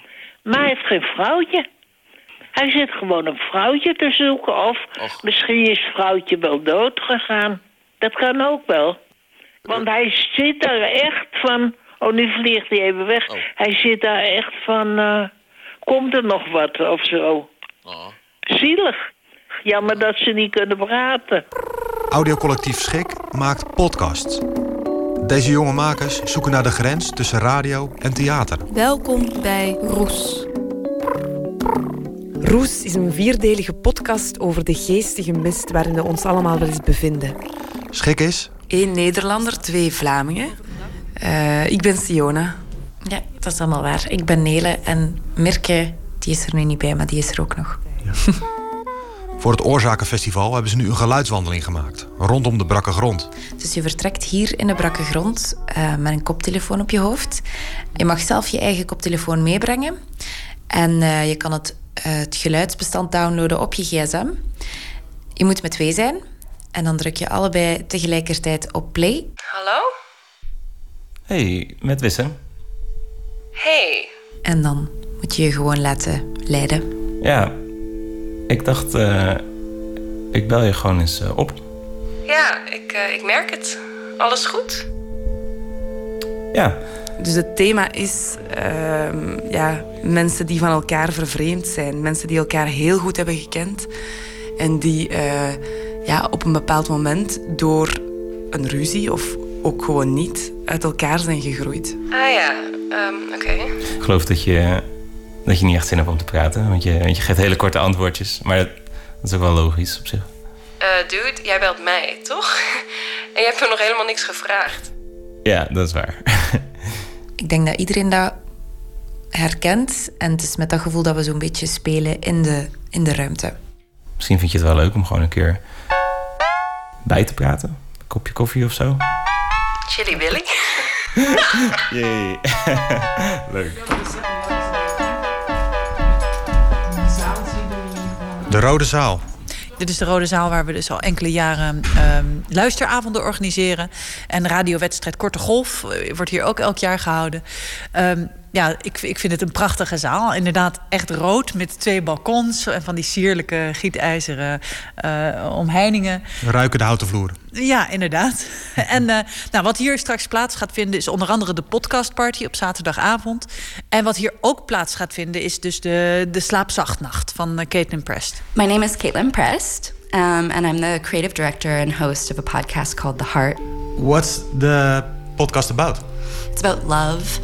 It's about feelings, it's about um, bodies, it's about gender, it's about fucking. it's about all of those things. Wat gaat er gebeuren die avond? Ja, we gaan hier dus uh, slapen. Er worden hier uh, uh, stapelbedden neergezet. En mensen komen met hun kussen en hun tandenborstel en hun pyjama. En om 11 uur begint het. En ja, om 9 uur is, er, is er ontbijt. En in de tussentijd is er dus de hele tijd geluid. Maar wel geluid. Je krijgt ook oordopjes en een slaapmasker. Dus het is wel de bedoeling, je mag wel slapen. Maar het is een soort soundscape ook dat je, ja, waar je op weg kunt dromen. Ja. En dat wordt dus ingeleid door een verhaal uh, door de stem van Caitlin Prest. Caitlin, we hebben elkaar ontmoet op het strand uh, van Coney Island in New York. She came to visit me in in New York. We had breakfast, and then spontaneously, out of nowhere, I was like, "We should go to Coney Island," and we had a good time. Um, een, een, tijdje later stuurde ik haar dan een mail van... hey, ik heb de kans om hier in de brakke grond een audiofestival te organiseren. En ik vind dat het niet kan zonder jou. En ik weet dat jij een performer bent. Hè? Dus uh, zij is een van de weinige mensen die audio ook, uh, daar ook een performance van maakt. En daarom had ik haar gevraagd... Ja, waarom, waarom kom jij niet de nacht cureren? Of de nacht vormgeven? It's gonna be like, like a sleepover. And I was like... Oh. And so, like, I'm known in my friend group as like the sleepover queen. So, when she asked me to do a radio sleepover, I was like, oh my God, yes, I want to do it. And um, yeah, so that was, it was immediate. I was like, I have to. There's no question. Dit is Man met de microfoon. Met echte en bijna echte verhalen uit een stadswijk. En ik ben Chris Baayema. Ze hadden gevraagd of ik een audiotour voor een rondvaartboot wilde maken. En dat wilde ik wel. Oh, oh, mijn god. En daar heb ik dan heel lang over nagedacht. Ja, dat ben ik. Wat gek. En toen werd het steeds ingewikkelder en ingewikkelder wat ik allemaal wilde doen. En toen dacht ik, oh mijn god.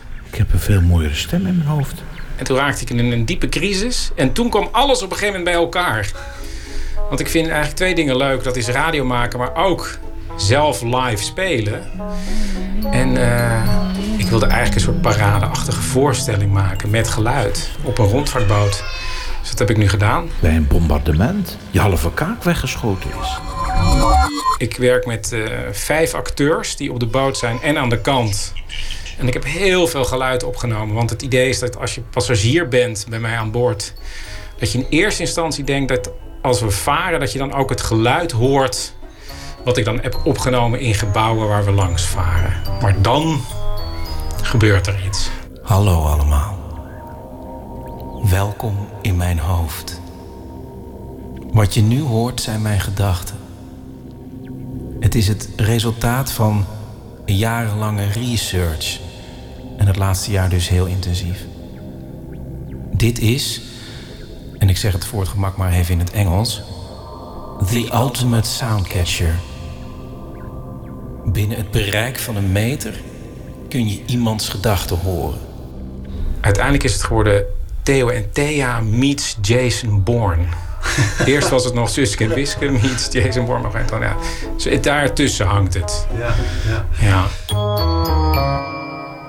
Het Oorzakenfestival eh, in en rond de Brakke Grond in Amsterdam van vrijdag tot en met zondag aanstaande. En het volledige programma is eh, terug te vinden op de website van de Brakke Grond. Een bijdrage van René van S was dat. Uit Zweden komt een 28-jarige Amanda Bergman, die eerder dit jaar een album heeft uitgebracht. Haar eerste met als titel Dogs. En eh, een van de nummers die daarop staat is Falcons.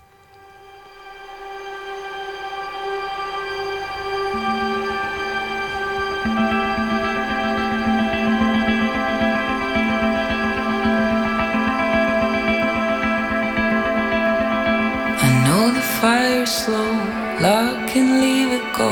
I've never been so hurtful before, leaving love in the haze. Falcon circling for days. Always firing up another scent, following the stream so carefully, trying to find another piece of the map. They were just fields out here. Never get it right. Eating easy, getting closer. No, I could never dance like you. Keep getting wrong, keep getting wrong. And by the second that we fall, we must sail on.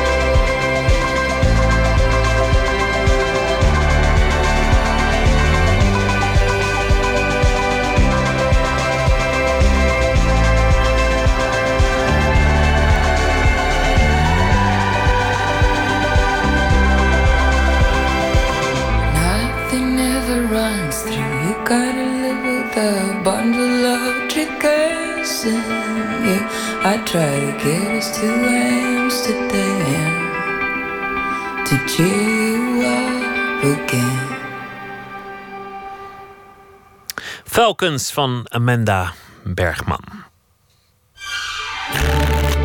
Open kaart.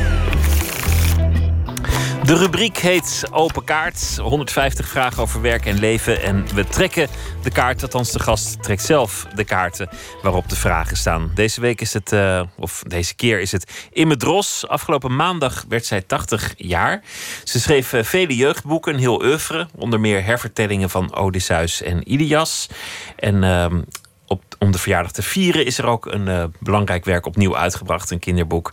Annetje Lie in het holst van de nacht. En dat werd onlangs nog gekozen door de jury van de Woutertje Pieterse prijs tot een van de belangrijkste kinderboeken. Een van de vijf van de afgelopen 25 jaar. Imme Dros, hartelijk welkom. Ja, dankjewel. Ik ben een rover hoofdman. Zo heet dat. Rover Hoofdman. Ja, dat heet zo bij de Woutertje Pietersen. Eh, want Oh, ze zingen altijd het roverslied van Multatuli. En die vijf eh, uitgezochte boeken waren dus... eh, het werden genoemd de boek van roverhoofdmannen. Dat is de eer die je ik dan, komisch, die je dan ja. krijgt.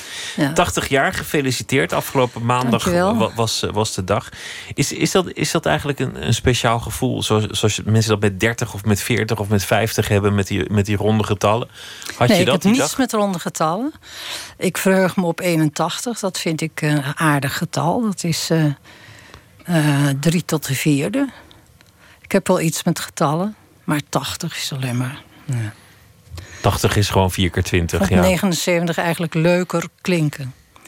Maar verder, het maakt me niks uit. 81 vind ik, vind ik mooi omdat het, omdat het ook 9 is. Je kunt het Ja, samen vormen tot negen. 9. 9 keer 9. Dat boek Dus- is, is heruitgebracht. Dat is een, een, eh, een, een grote eer natuurlijk als iets opnieuw wordt uitgebracht. En zeker na, na vele jaren. Het, het is een heel ehm, poëtisch boek. Want, want het eigenlijke verhaal speelt zich grotendeels af in, in het hoofd van het, van het personage. Ja. Het is een soort fantasie zoals ik het heb, heb begrepen. Het is een heel angstig kind. En ik was zelf ook een heel angstig kind, want ik, ik, ik leefde in de oorlog. Ik kom van Texel. En Den Helder werd gebombardeerd. En op Texel zat ook een weermacht. En wij hadden de Russe oorlog. Texel was het allerlaatst van heel Nederland bevrijd. En, en er, er, er 20 kwam, een, mei pas. kwam een groep in opstand en, en er werd hevig gevochten. Er, er is van alles gebeurd. ja. Dus ik was, eh, ik was een vrij bang kind waarschijnlijk. De volwassenen waren erg bang om je heen. Dat was, eh, dat was angstig.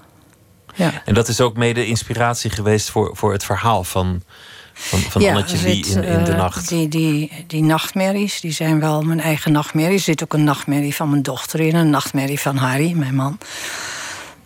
Dus ik heb wel wat dromen erbij verzameld. Maar de meeste dromen zijn toch wel angstdromen van mezelf. Maar op een, op een leuke manier gedaan. Het is ook niet zo dat, dat het kind niet meer durft te gaan slapen na het lezen van, het, van het boek. Er zit wel nee, maar ze, in. ze wordt in onzekerheid gelaten. Wat natuurlijk heel verkeerd is om met kinderen te doen. Ze wordt, ze wordt ergens uit logeren ja, gebracht. Ze, ze, ze heeft geen idee wat er gaat gebeuren. Dat is altijd angstaanjagend. Je kunt kinderen beter eh, wat meer vertellen. Er wordt niet verteld waarom ze uit logeren gaat. En dan Nee. ligt ze in dat bed. En ook niet wanneer ze terug naar huis gaat. Helemaal niet. Ze weet van niks. Ze krijgt ook winterkleren mee en het is nog zomer. Dat is, eh, dat is vreemd. Dus ze kan zich niet voorstellen dat ze zo lang moet blijven. Maar ja, het is al lang geleden dat ik dit geschreven heb. 1988. En sindsdien zijn er vele, vele boeken gevolgd. Ja. Wanneer is het eigenlijk begonnen, het schrijven voor kinderen? Hoe, en hoe, hoe Oh, heel vroeg. Eh, Ik ben begonnen met schrijven toen ik een kind was. Dus ik denk dat ik. eh, dat dat. Ja, en ook omdat dat een periode was die zo ingrijpend was in mijn leven. Dat, ik heb daar wel over gepraat met Willem Wilmink, die ook voor kinderen schreef. Het was een vriend van mij. En eh, hij schreef ook kinderboeken. En die, die kindertijd van mij en ook van hem was midden in de oorlog daar kon niks meer overheen, niks meer bovenop eigenlijk. Er is nooit meer iets gebeurd dat zo ingrijpend was. En dat is misschien wel de sleutel naar waarom het kinderboek juist je oeuvre werd. om- Omdat Ja. die, die kindertijd toch bleef, bleef trekken, bleef malen, aanwezig bleek. Omdat dat het gewoon de meest ingrijpende periode Eh, was. En bovendien vind ik kinderboeken het, het dichtst grenzen aan poëzie. Omdat je juist voor heel kleine kinderen, als je voor kleine kinderen schrijft, dit is niet voor zulke kleine kinderen, dan gebruik je weinig woorden. Maar met die paar woorden moet je het dus helemaal vertellen. Nou, de laatste tijd heb ik, ik heb eigenlijk de laatste vijf jaar alleen maar Homerus vertaald. Dus dat is weer heel iets anders. En, en dat was ook fascinerend om te doen. Dat, dat blijken dan ook ineens als je ze afstoft en, en opnieuw eh, maakt. Blijken dat ineens hele sterke verhalen. Oh, maar Homerus is echt. Ik vind het. Ik vind het een van de allergrootste schrijvers, dichters die er ooit bestaan heeft. Ja, echt eh, heel bijzonder als je dat leest. Laten we beginnen met de kaart. Ik, ik wil je vragen om, om iets, eh, zo'n kaart Ja. te trekken. Een kaart. Waar was je op 11 september 2001? Al sla je me dood. Geen idee? Nee. Interessant, want veel mensen die, die, die, die weten dat meteen en in detail. Oh ja? Omdat het zo'n indruk heeft gemaakt. Nee, ik zou het niet weten. Zijn er andere data waarvan je, waarvan je nog precies weet waar je was? De, de moord op Kennedy bijvoorbeeld, dat, dat is er ook zo een. Nee. Oh, wacht even. 9-11 natuurlijk. Ja, ik weet wel waar ik was. Ik zat eh, te kijken naar een programma en opeens werd het programma onderbroken. En toen, eh, toen kwam het bericht van die, eh, van die vliegtuigen die in die toren vlogen. Gewoon thuis voor de televisie. En, en, en wat dacht Ja. je toen? Ja, ik, ik was verstomd. Ik belde met de ene vriendin. Ik zei: Kijk, zet de televisie aan, er is iets krankzinnigs. En ze zei: Het is niet waar. Zo'n zo, zo, zo'n reactie, dat kan gewoon niet waar zijn. En, en de moord op Kennedy, we- weet je dat nog? 1963. Ik weet wel, eh, ik weet wel dat. eh, maar. Dat werd natuurlijk uitgezonden. Dus wanneer ik het hoorde, weet ik niet meer. Of het eh, op televisie was of op de radio. Geen idee. Maar ik herinner me wel die beelden van Jackie Kennedy achter in die auto. En, ja, en later dat die, die, die moordenaar dan, als het de moordenaar was, die daar weggevoerd werd. Die beelden staan nog wel heel scherp. eh, Op het netvlies. ja, Trek nog een kaart als je wil. oh, nog een kaart. Waar walg je van? Van kwallen. Gewoon als, als in eh, zeeleven bedoel je? Als ik zwem en er, en er is een kwal, eh, daar walg ik van. Zwem je nog in zee? Ja, ik, zwom, ik kom van Texel. Ik zwom altijd in zee natuurlijk. Maar nu ook nog, want ik ken mensen van 80 die, die dat niet meer doen. Maar Nou, ik heb de laatste jaren niet meer gezwommen. Maar eh, ik weet dat, dat dat iets walgelijks is. Een kwal. Als je tegen een kwal aanzwemt. Dat is echt. Zelfs als het niet een, een kwal is die steekt. Dat is, is een blubberding. Terwijl het een interessant wezen is. Want hij groeit op de, op de grond. In onderzee natuurlijk. Hij is eerst een plant. En dan laat het. in De volgende fase laat het los. En dan is het een kwal. ze zijn heel Heb mooi. Op school. ge- Ja, ze- oh, dat is allemaal prachtig, maar je moet er niet tegen aan. En er zijn dus eh, heel gevaarlijke kwallen. En als je in zo'n zo'n groep kwal terechtkomt, dan eh, daar kun je er flink ziek van worden. Een walgelijk beest. Trek nog een kaart wil er je nog wil. een. Oké. Is er iets dat niemand van je weet? Oh, er zijn waarschijnlijk heel veel dingen die mensen niet van me weten. Klinkt alsof je er achteraan wil zeggen, en dat is maar goed ook. Ja, ik denk dat, eh, dat iedereen dat wel heeft. Je vertelt niet alles. Niet alleen omdat je het niet wil vertellen, maar ook omdat het niet voor een ander interessant is. En is er iets dat niemand van je weet waarvan je denkt: Goh, er heeft ook nooit iemand naar gevraagd, maar ik zou, had eigenlijk best gekund dat mensen dat hadden ge- gezien. Dan had ik het wel opgeschreven. Dan Want- gebruik ik het in verhalen. Dat, dat is jouw medium om je tot de wereld te richten. Ja. Laten we nog een kaart eh, proberen. Waar geef je het meeste geld aan uit? Het, boeken gaf ik heel veel geld uit. Ook toen we nauwelijks geld hadden. Dan gingen we naar Londen en dan kwamen we met tassen vol boeken terug.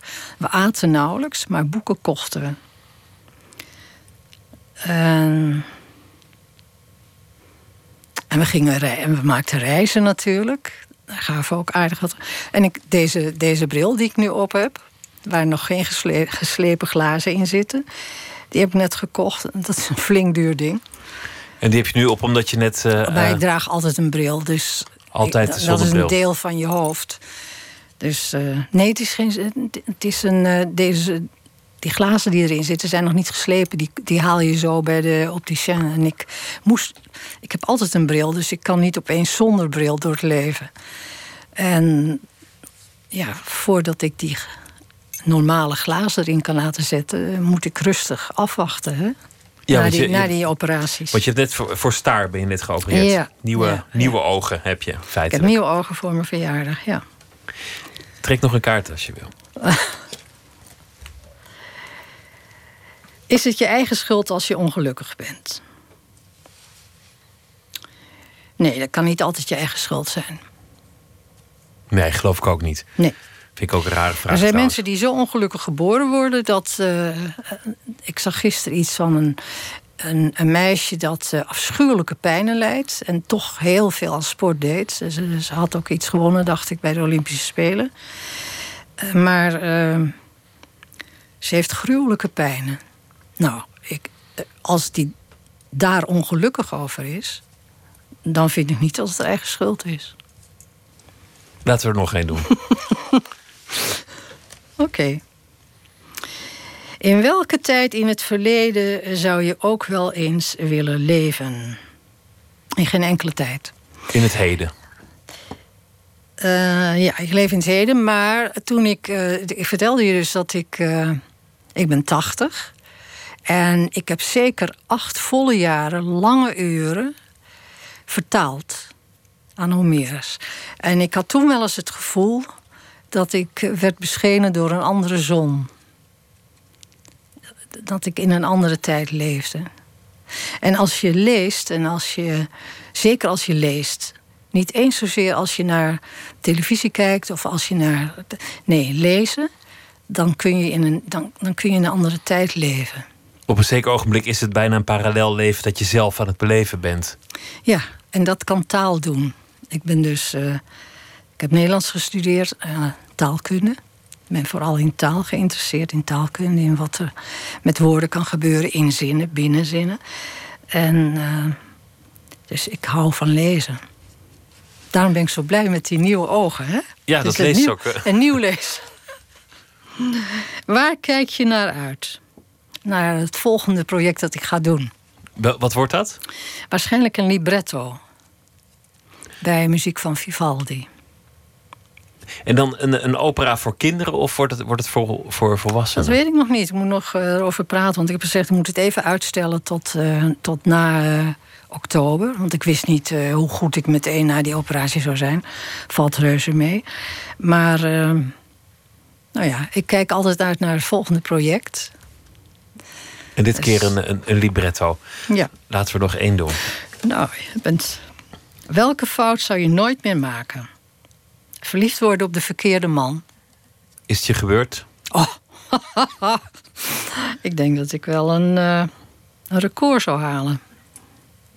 Maar ja, je weet niet van tevoren of het de verkeerde man eh, is. toch? daarom wist ik heel erg zeker dat het Hardy was toen het zover was. Toen je de goede man trof. Ja. En daar ben ik eh, over twee jaar, 60 jaar mee getrouwd. Dan, dan, is het, ja, dan heeft het zich wel bewezen, denk ik. Ja, vind ik wel. Ik, eh, ik wens je heel veel geluk, heel veel succes met het volgende project. Eh, heel veel succes met het, met het nieuwe levensjaar, de nieuwe ogen. Met, Ja. eh, met het libretto en met het huwelijk in met Ros. Dank je wel. Ja, tot je dienst. Tijd voor eh, wat oude soulmuziek. Een Amerikaanse zangeres Betty Harris. Ze leed in 1968 aan een gebroken hart en vroeg zich vertwijfeld af: What did I do wrong?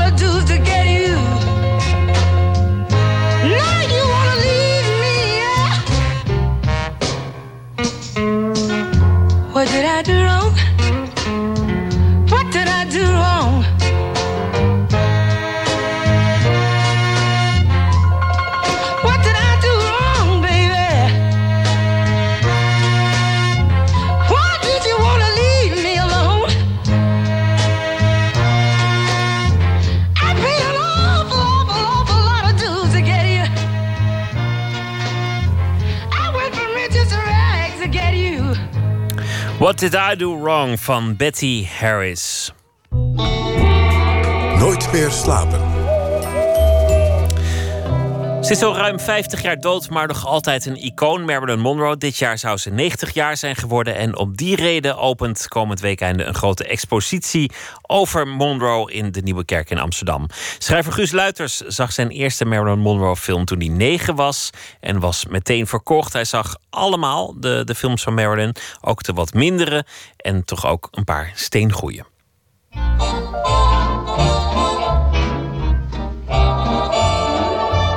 En de tweede film die ik dus ook fantastisch vind, nog steeds, dat is How to Marry a Millionaire. En dat is met Lauren Bacall. Nou, dat is ook een fantastische eh, actrice. Hè? Tot op hoge leeftijd heeft hij toch echt prachtige dingen gedaan. En die films met Humphrey Bogart, dat zijn fantastische films nog altijd. En daar was dan ook Betty Grable bij. Dat is nu een vergeten... Nou, en die drie dames die gaan dus eh, op zoek... Nou, de titel zegt het al. Hoe komen we aan een miljonair? All my life, ever since I was a little girl, I've always had the same dream. To marry a zillionaire. Betty Grable die heet Loco. Lauren Bacall heet Schatze. En Marilyn die heet Pola. Nou, dat vind ik al een- van een super kwaliteit. Do you know who I'd like to marry? Who? Rockefeller. Which one? I don't care. I wouldn't mind marrying a Vanderbilt or Mr. Cadillac. No such person, I checked. But how about one of those rich Maharajas? How about three of them? Wouldn't that be wonderful if we had three of them up for dinner and they all married us? Think of all those diamonds and rubies.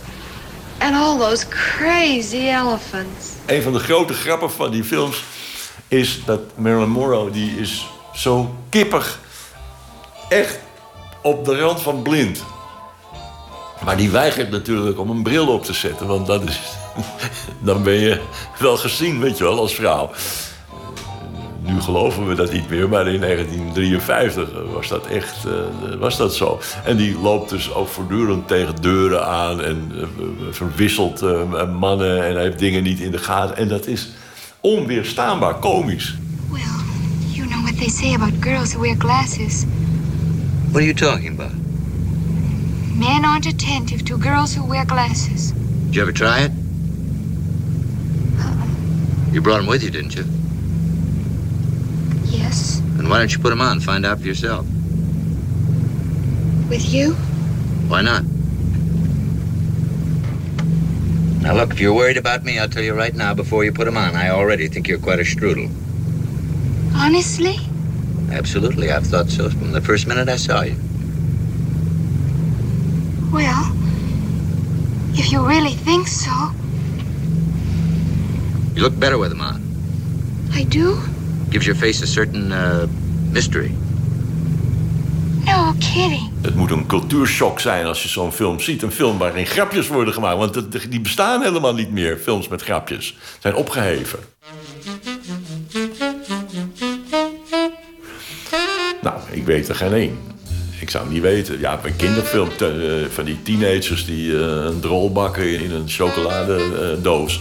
en zo. En, eh, dat, dat zijn dus kindergrappen. Maar grappen voor volwassen mensen, die worden niet meer gemaakt. Ik, heb, ik zou niet weten. Er zijn ook geen komieken meer. Jerry Lewis was de laatste, laatste komiek die er geweest is. Daarna is, is, zijn er... Richard Pryor heb je nog een tijdje gehad. Nou, Steve Martin misschien een beetje. Er waren nog wel een soort komieken. Dat soort mensen zijn er niet meer. Dus als je zo'n film ziet, je weet niet wat je meemaakt. En dat gaat ook in een razend tempo. Hè. Ze, hebben niet van dat ze één grap bedacht hebben... die ze dan honderd keer herhalen. Nee, als die grap geweest komt er weer een nieuwe grap. Dat zijn wij niet meer gewend.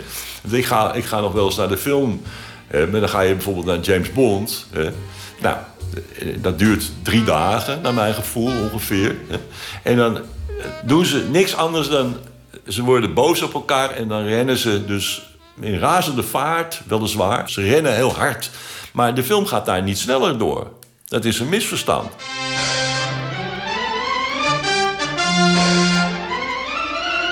Was, hij, was Marilyn Monroe een komiek? Ja, zonder meer. Nou, geen komiek, maar een acteur met eh, een flair voor komische rollen. In How to Marry a Millionaire wordt dat heel erg uitgespeeld. Je kunt dat ook zien in, eh, in Some Like It Hot. Kun je zien hoe ze de lach eh, naar zich toe trekt. Tussen Jack Lemmon en Tony Curtis in. Hè? Wat dus wel jongens zijn die weten hoe je iemand aan het lachen moet maken. Nou, en steelt ze toch voortdurend de scène in ieder shot waar ze in zit.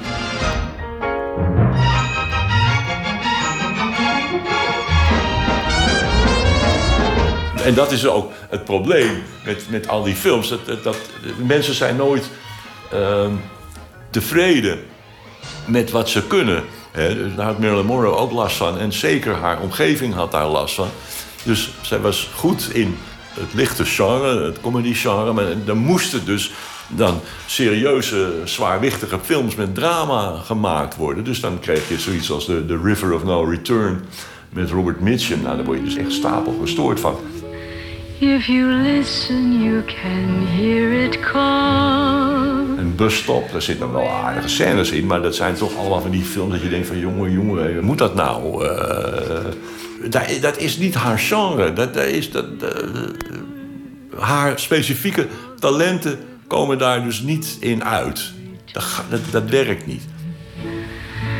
Sometimes it's peaceful, and sometimes wild and free.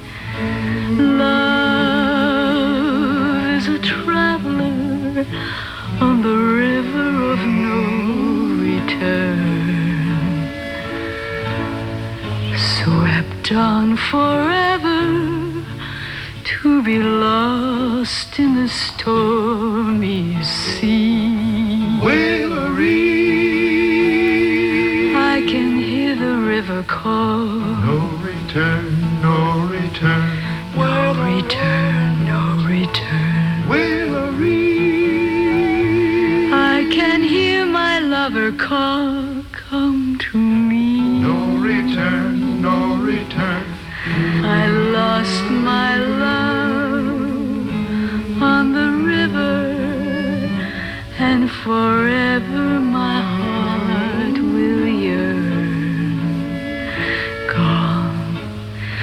gone forever down the river of no return. The River of No Return van eh, Marilyn Monroe. U hoorde schrijver Guus Luiters, dol op Monroe... en de tentoonstelling in de Nieuwe Kerk opent komend weekeinde. Afgelopen zomer verscheen eh, The Sound Experiment 2... een EP van de Nigeriaans-Britse zanger Sam Henshaw. En eh, daarop staat ook dit stuk, Night Calls.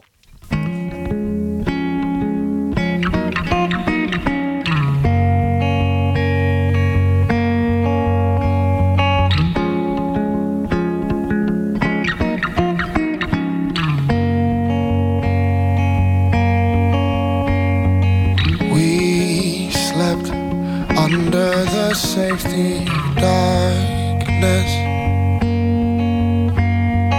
Relived moments I will never know.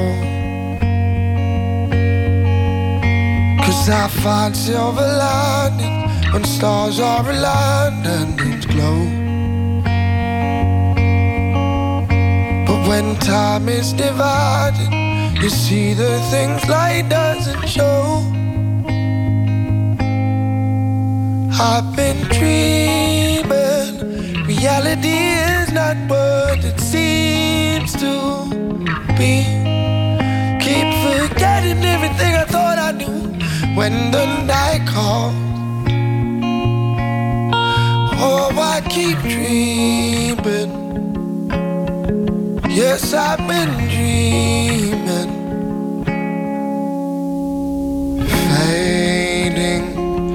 Consciously cautious, waiting for daylight to come and reclaim our souls. Cause I find silver linings when stars are aligned and moons glow. But when time is divided, you see the things like doesn't I've been dreaming, reality is not what it seems to be. Keep forgetting everything I thought I knew when the night calls. Oh, I keep dreaming. Yes, I've been dreaming.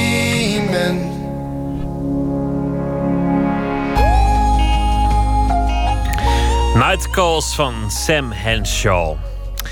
Dit jaar is het eh, voor de vierde keer eh, de Korte Golf radiowedstrijd. Iedereen mag meedoen. Eh, De bedoeling is dat je een radiodocumentaire of een hoorspel instuurt van maximaal drie minuten. Een aantal voorwaarden zitten er wel aan vast. Er moet een afgeluisterd gesprek in voorkomen, een slaapliedje en in de titel moet ook een kledingstuk worden genoemd. Van de vijf genomineerden laten we er elke nacht deze week eentje horen. Vannacht van Arie Visser. De titel is De Dekmantel.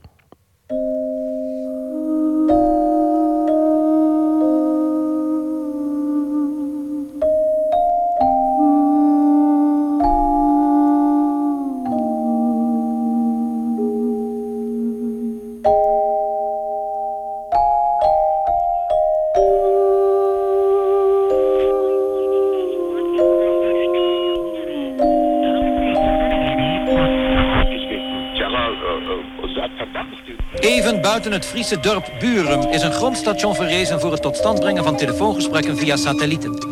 Dat gebeurt met behulp van een reusachtige paraboolantenne die een doorsnede heeft van 28,5 meter en die automatisch op de in de ruimte hangende satelliet gericht wordt gehouden. De antenne, die daartoe op een rail is gemonteerd, is bestemd voor radioverbinding via de satelliet Intelsat 4, die boven de evenaar staat en die gesprekken relayeert tussen Europa, Afrika, Klein-Azië, van de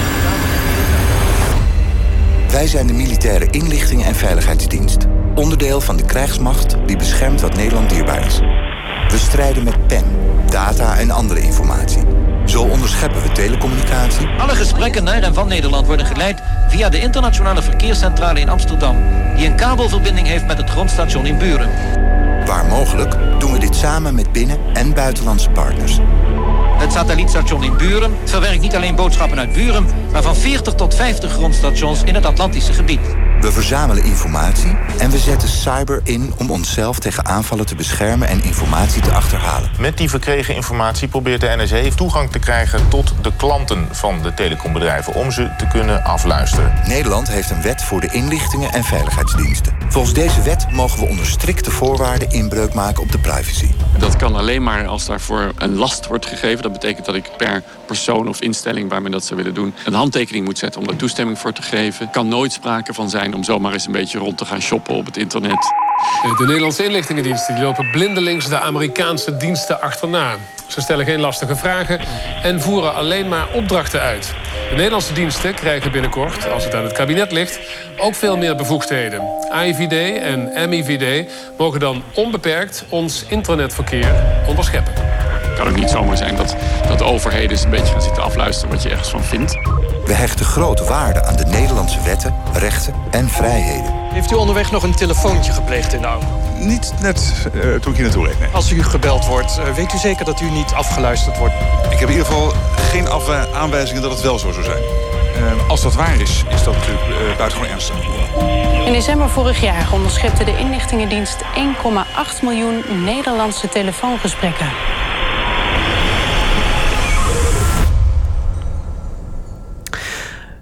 Een van de inzendingen voor de Korte Golf Radio-wedstrijd van Arie Visser. En hij is ook genomineerd. De winnaar wordt zondag bekendgemaakt in Amsterdam in de Brakke Grond tijdens het festival Oorzaken. Morgen is de gast Dick Swaap, hersendeskundige, hoogleraar in eh, de breinkunde. en schrijver van de bestseller Wij zijn ons brein. En hij heeft nu een nieuw boek, Ons creatieve brein. Dat morgen je nooit meer slapen. Voor nu een hele goede nacht en graag weer tot morgen.